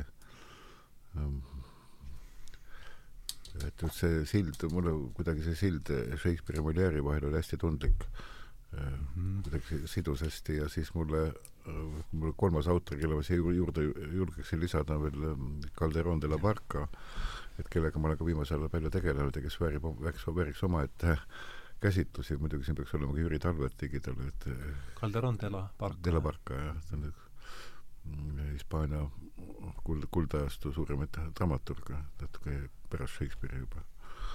aga et noh, temal on see elu on unenägu, Shakespeare'il on maailma, noh, põhiliselt maailma, maailma teater, eks ole, aga kõik need põimingud on olemas, et, et et mulle väga meeldis, kuidas äh, Tiit luges seda äh, sonetti, see avas, avas kuidagi väga hästi lihtsalt, täpselt mõtte, mõtte, mõttekujutuse peal oli. et see oli nii, ma hakkasin vaatama kogu soneti äh, Soliti, Soliti seda loomingut natuke veel ühe, ühes uues, ühes uues võtmes, nüüd mul see Tiidu öeldud tekst teeb väga hästi, hästi kõrva. Ja see viis ka silla selle armastuse kultuuri mõtte ja. juurde, et, et kuidas, kuidas see tegelikult on, et, et mida me selle sõnaga armastust ikkagi nimetame. ja mina olen viima-, mõned, mõned aastad lugenud seda jälle Benedictus kuueteistkümnenda Jumal on armastusteost, kus on väga hästi kõik need armastuse erinevad liigid ja noh, hästi, hästi sõnastatud, hästi kokku võetud mis on hästi rahulik hea lugemine, et noh, enda, enda sees korrastada ja aru saada, mida me selle mõiste armastusel mõtleme, sest tihtipeale minnakse armastuse üle vaidlema ja tegelikult igalühel on oma ette, ettekujutus sellest, et ja Shakespeare'iga tegeledes, siis äh, ta kuidagi juhib sinna mind vähemalt, et et ma mõtlen selle armastuse ja tõesuse kooskõla peale, et mis on tõeline armastus ja mis ei ole tõeline, kus, mhm. kus on see iha, millisel hetkel, kelle suhtes, mismoodi, tähendab, need vahekorrad täpselt nüüd on, eks ole, et ja, see näilisus ja reaalsus, eks ole. kõik need armastuse palged, erinevad liigid on sees olemas kogu täiuses tema, tema näidetes. ja see on alati tal keskne teema. armastuse, alastuse teema, ükskõik, kas ta räägib kaosest või mitte, mulle tundub, et siit sisemisest vaimsest korrastatusest hakkab see kõik pihta mm. -hmm ja siit, siin aga kui totalitarismi juurde minna, siis on see ka tühimik, mis tekib armastuse kaosest või valest arusaamisest, võib-olla see ka koht, kus totalitarism saab oma sõra sisse ajada, näiteks. no, no sealt hakkab see maailma lagunemine hakkab, hakkab pihta ja see hakkab pihta ja see maailma lagunemine hakkab täituma mingisuguse tinaga, tähendab, et genooma sõidab siis. jah, jah, mingi, mingi, mingisugune hirmutav, hirmutav asi tuleb peale no mina sain siit nüüd vähemasti, siin päris lõpus sain juba uue saate idee, et see, et see, mille poole ma justkui kobasin, oligi seesama Blum, ma ei olnud midagi, noh, olen ju ikkagi selles vallas äh, võhik, aga et see inimsuse leiutamine oligi see, mis seda, mida ma, miks mulle see noh, seesama, mis see pantokraatori teema, mis ehm, kuivõrd see on eraldi saate teema, siis me ei hakka uut saadet kohe otsa ei tee, eks, aga aga mis sa, mida ta seal ütleb selles, äh, selles äh, teoses meile niimoodi, kui võtta kokku sellise paari lausesse on see või, või siis, siis, siis, siis tõmbamegi joone alla noh, Blumi kohaselt inimsus või, või inimeseks olemine, jällegi siin on äh, kultuuriline mõõde ja, ja ilmselt sügavam mõõde, aga et kultuurilises plaanis, äh, noh, see on nüüd tema teooria, ta on tõesti yeah. Shakespeare'i, Shakespeare'i usku mm. -hmm. ja tema nüüd väidab, et, et, et see on paljuski Shakespeare'i äh, loodud yeah.. aga ta on ka Molière'i usku ja, ja, ja mida ta nüüd väidab, ongi see, et ta, et need autorid mitte ei kirjelda äh, inimloomust, vaid et nad äh, loovad, loovad ja. inimloomust, et seal on teatud kultuurilised äh, kultuurilised konstandid või, või, või et igal ajastul mm -hmm. ju see, see, see muutub ja ja jällegi mina ei ole kirjandusteadlane, aga mind köidab äh, Blumi mind köidab ka see mõte. usk ja mõte, et ja tema pühendumus ja tõesti kirjandusteadlasena nüüd Blum ise oli ikkagi, oli oli tippteadlane, ta paar aastat tagasi äh, suri mm. -hmm aga see on siis võib-olla küll nüüd koht, kus siis tõmmatagi joon alla, et ei jõua teid äh, ära tänada, et äh, siin jälle niimoodi enne pidupäeva tulite välja ja me oleme seda mitu korda siin mis tahes põhjustel äh, edasi lükanud, mul on väga hea meel, et see sai teoks lõpuks, et aitäh, Lembit Peterson! aitäh, Ardo! aitäh, jaa, aitäh! ma olen tõesti väga tänulik ja tänulik kõigile, et äh, oleme saanud juba saja kaheksakümne kolmandat korda siin vestelda päevakajalistel teemadel et aitäh, aitäh, aitäh kõigile kuulajatele, tänu kellele see on võimalik, ja toetajatele ja veel kord Lembit Peterson, Tiit Aleksejev, aitäh ja head vabariigi aastapäeva ja ja siis äh, vajutan nüüd püüan meelde jätta, mis on need nupud, kuhu ma pean vajutama kõigile korraga.